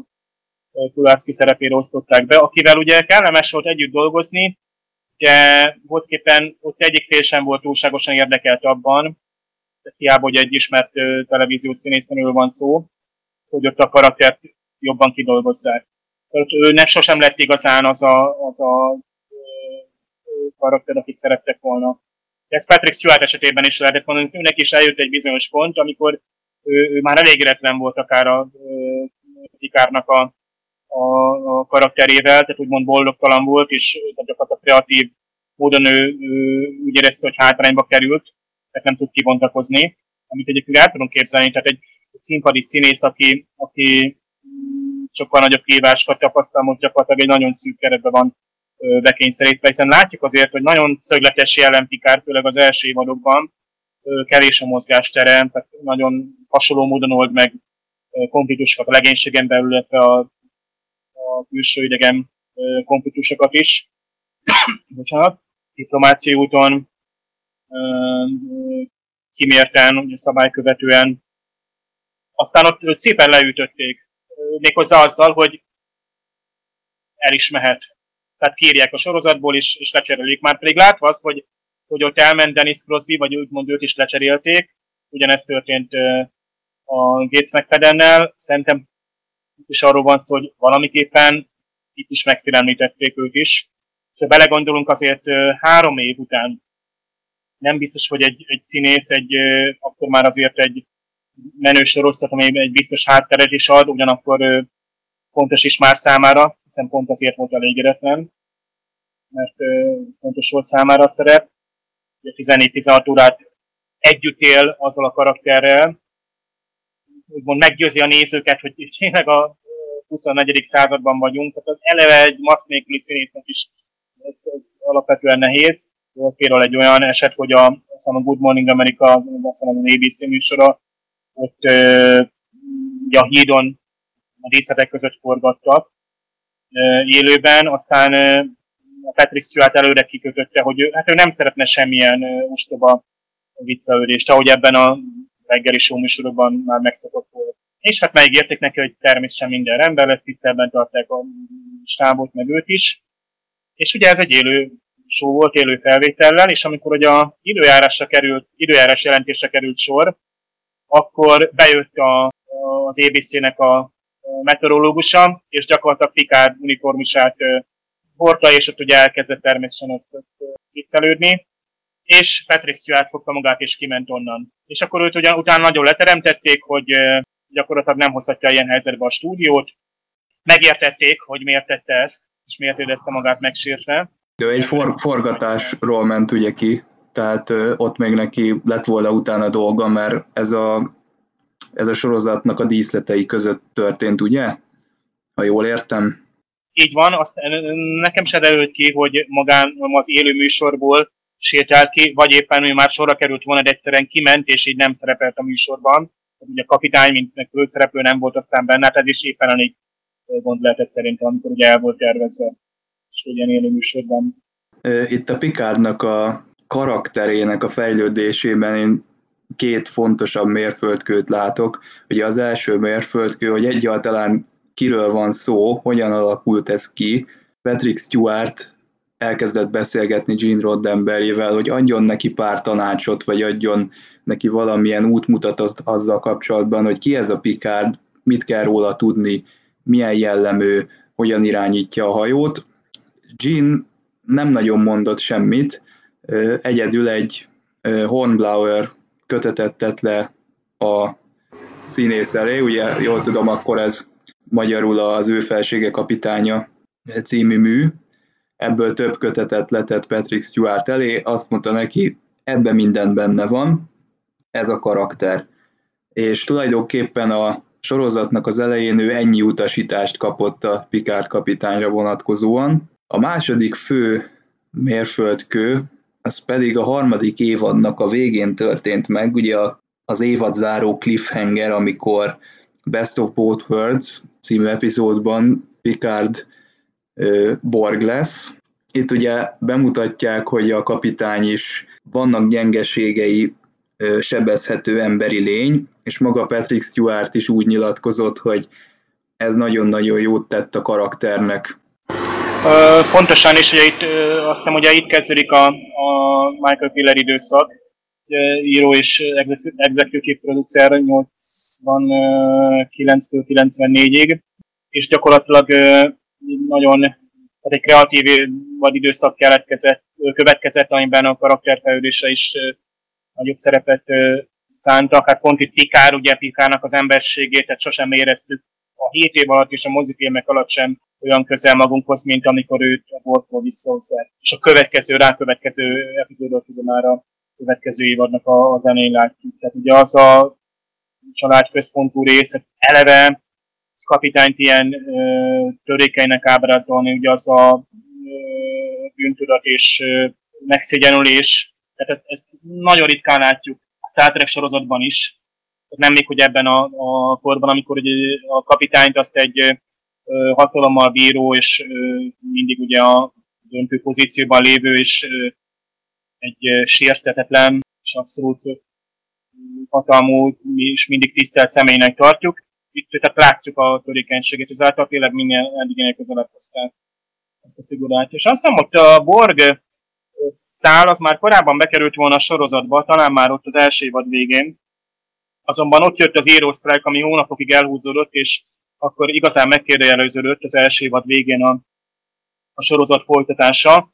De aztán az Aero Strike befejeződött, és jött a második évad, ez az írósztályt még a Voyager sorozat is érintett, ott is gond volt az első és második évad között. Tehát látjuk, hogy gyakorlatilag Hollywoodnak a munkás embere így idézőjelben, hát bizony néha keresztbe tesznek a, a sorozatoknak, hogy innen elképzelve nehéz elgondolni, mert valamiképpen ugye a művészetről beszélünk, és kulturális tevékenységről, tehát nehezen tudjuk elképzelni, hogy például egy, egy, egy regényíró mondjuk sztrájkolna.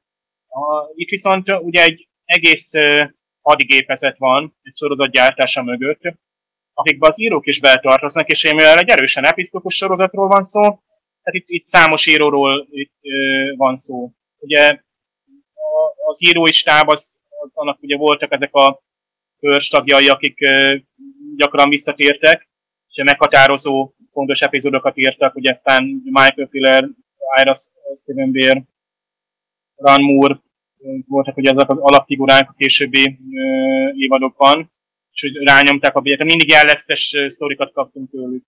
Ugye, ha utána néznénk, vagy rendszereznénk, hogy kire milyen történetvezetések voltak jellemzők. Tehát lejöttek ezek a, azok a fajta sztorik, amik egy-egy karakterről szólnak. Tehát, hogy egy Worf történetet kapunk, Picard történetet.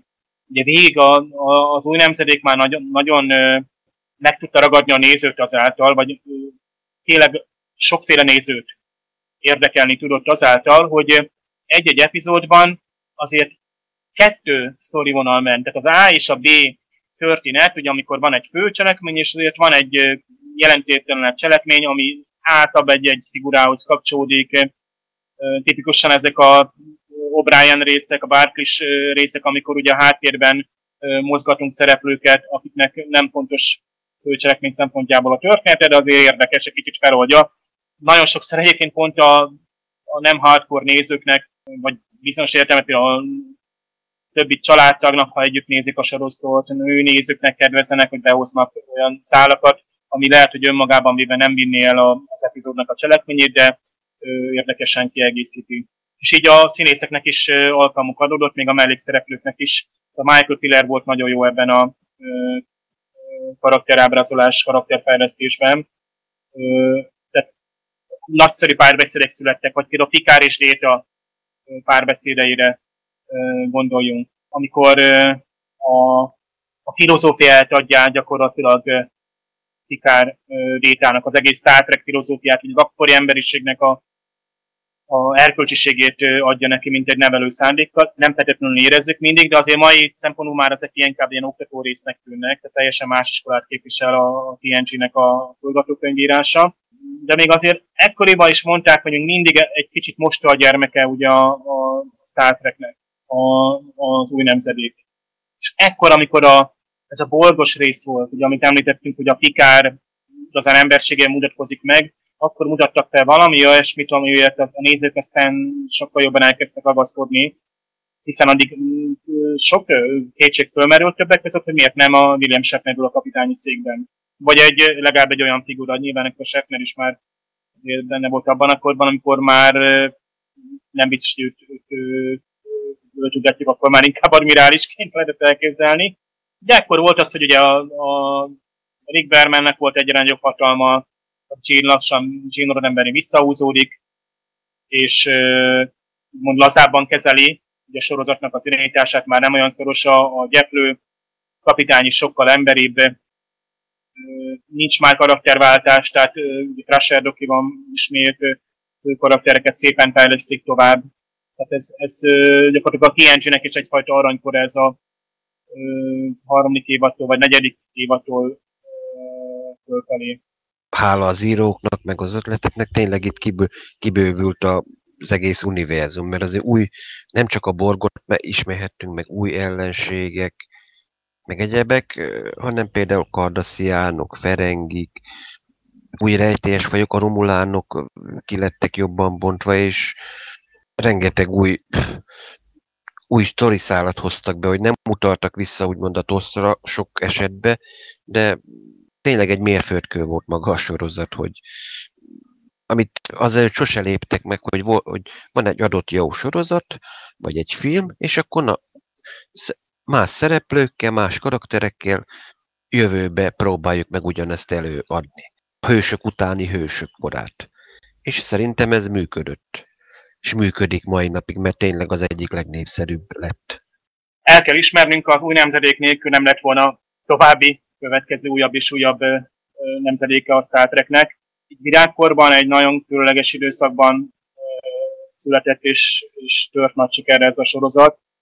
Nagy, nagy szerencse szerintem a rajongóknak is, hogy hát nem csupán a mozifilmekre kell hagyatkoznunk, vagy a, a, az eredeti sorozatra, újabb és újabb lehetőségeket látunk, ugye kibővült az univerzum karakterábrázolás szeretők és a fordulatos, akciódus cselekményt kedvelők ugyanúgy megkapják, amit szeretnének.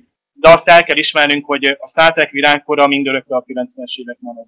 Tehát egyszerűen szerintem nem lehet újra teremteni. Bizonyos szempontból az Enterprise-szal véget ért, tehát még mielőtt az elkezdődött volna, a mozifilmes virágkor és a sorosztos virágkor is örülünk, hogy van, hiszen három sorozat, 21 évada, tehát a sorosztok javarésze akkor készült, nagyon hasonló elképzeléssel, de azért folyamatos fejlődéssel, és biztos, hogy fognak jönni új sorozatok, de ahogy az Enterprise vagy a Discovery esetében is, már érezzük, hogy nehéz megragadni a Star Trek-nek azt, hogy a sci rajongóknak a széles körét kielégítse intellektuálisan és akcióban is szórakoztasson. Mm, főleg azért, mert nagyon sok témát már újra tárgyal a maga Star Trek is.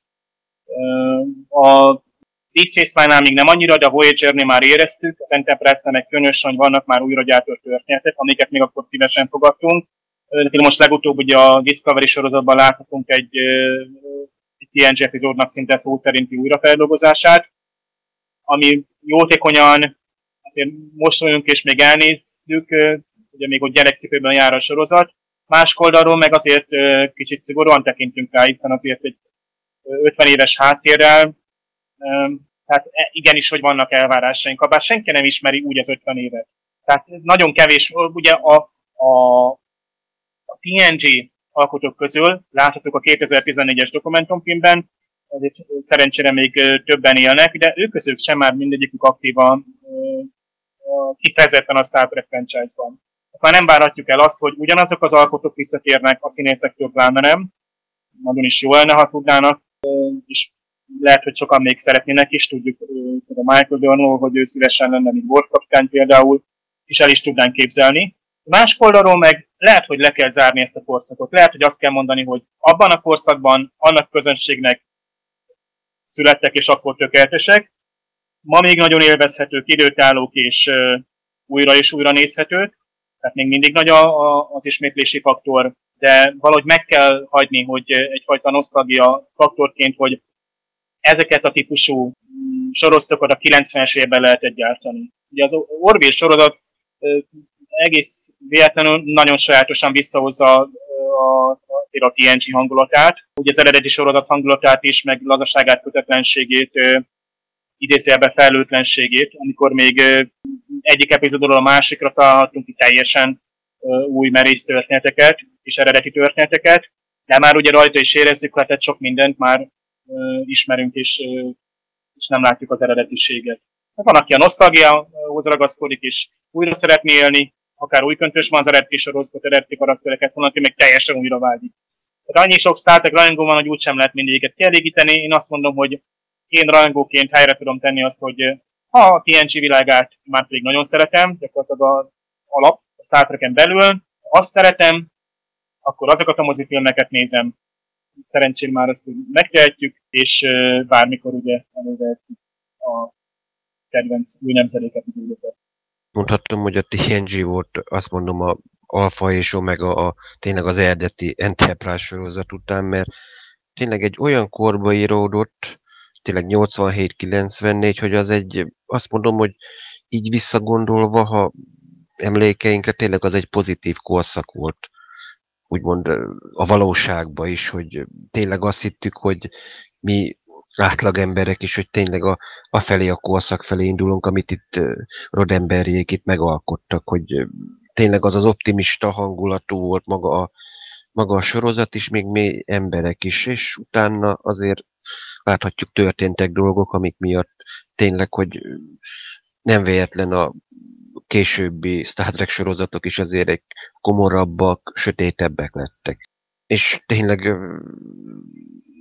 nézem egyébként így a színészi reakciókat is, azért nem csak Don lenne az, aki újra felvenni az egyenruhát. De tényleg, hogy a színész is azért ember, nem halhatatlan, ők is öreg, öregszenek, hogy sajnos már nem biztos, hogy meg tudnák szólítani olyan széles rétegeket, mint akkor.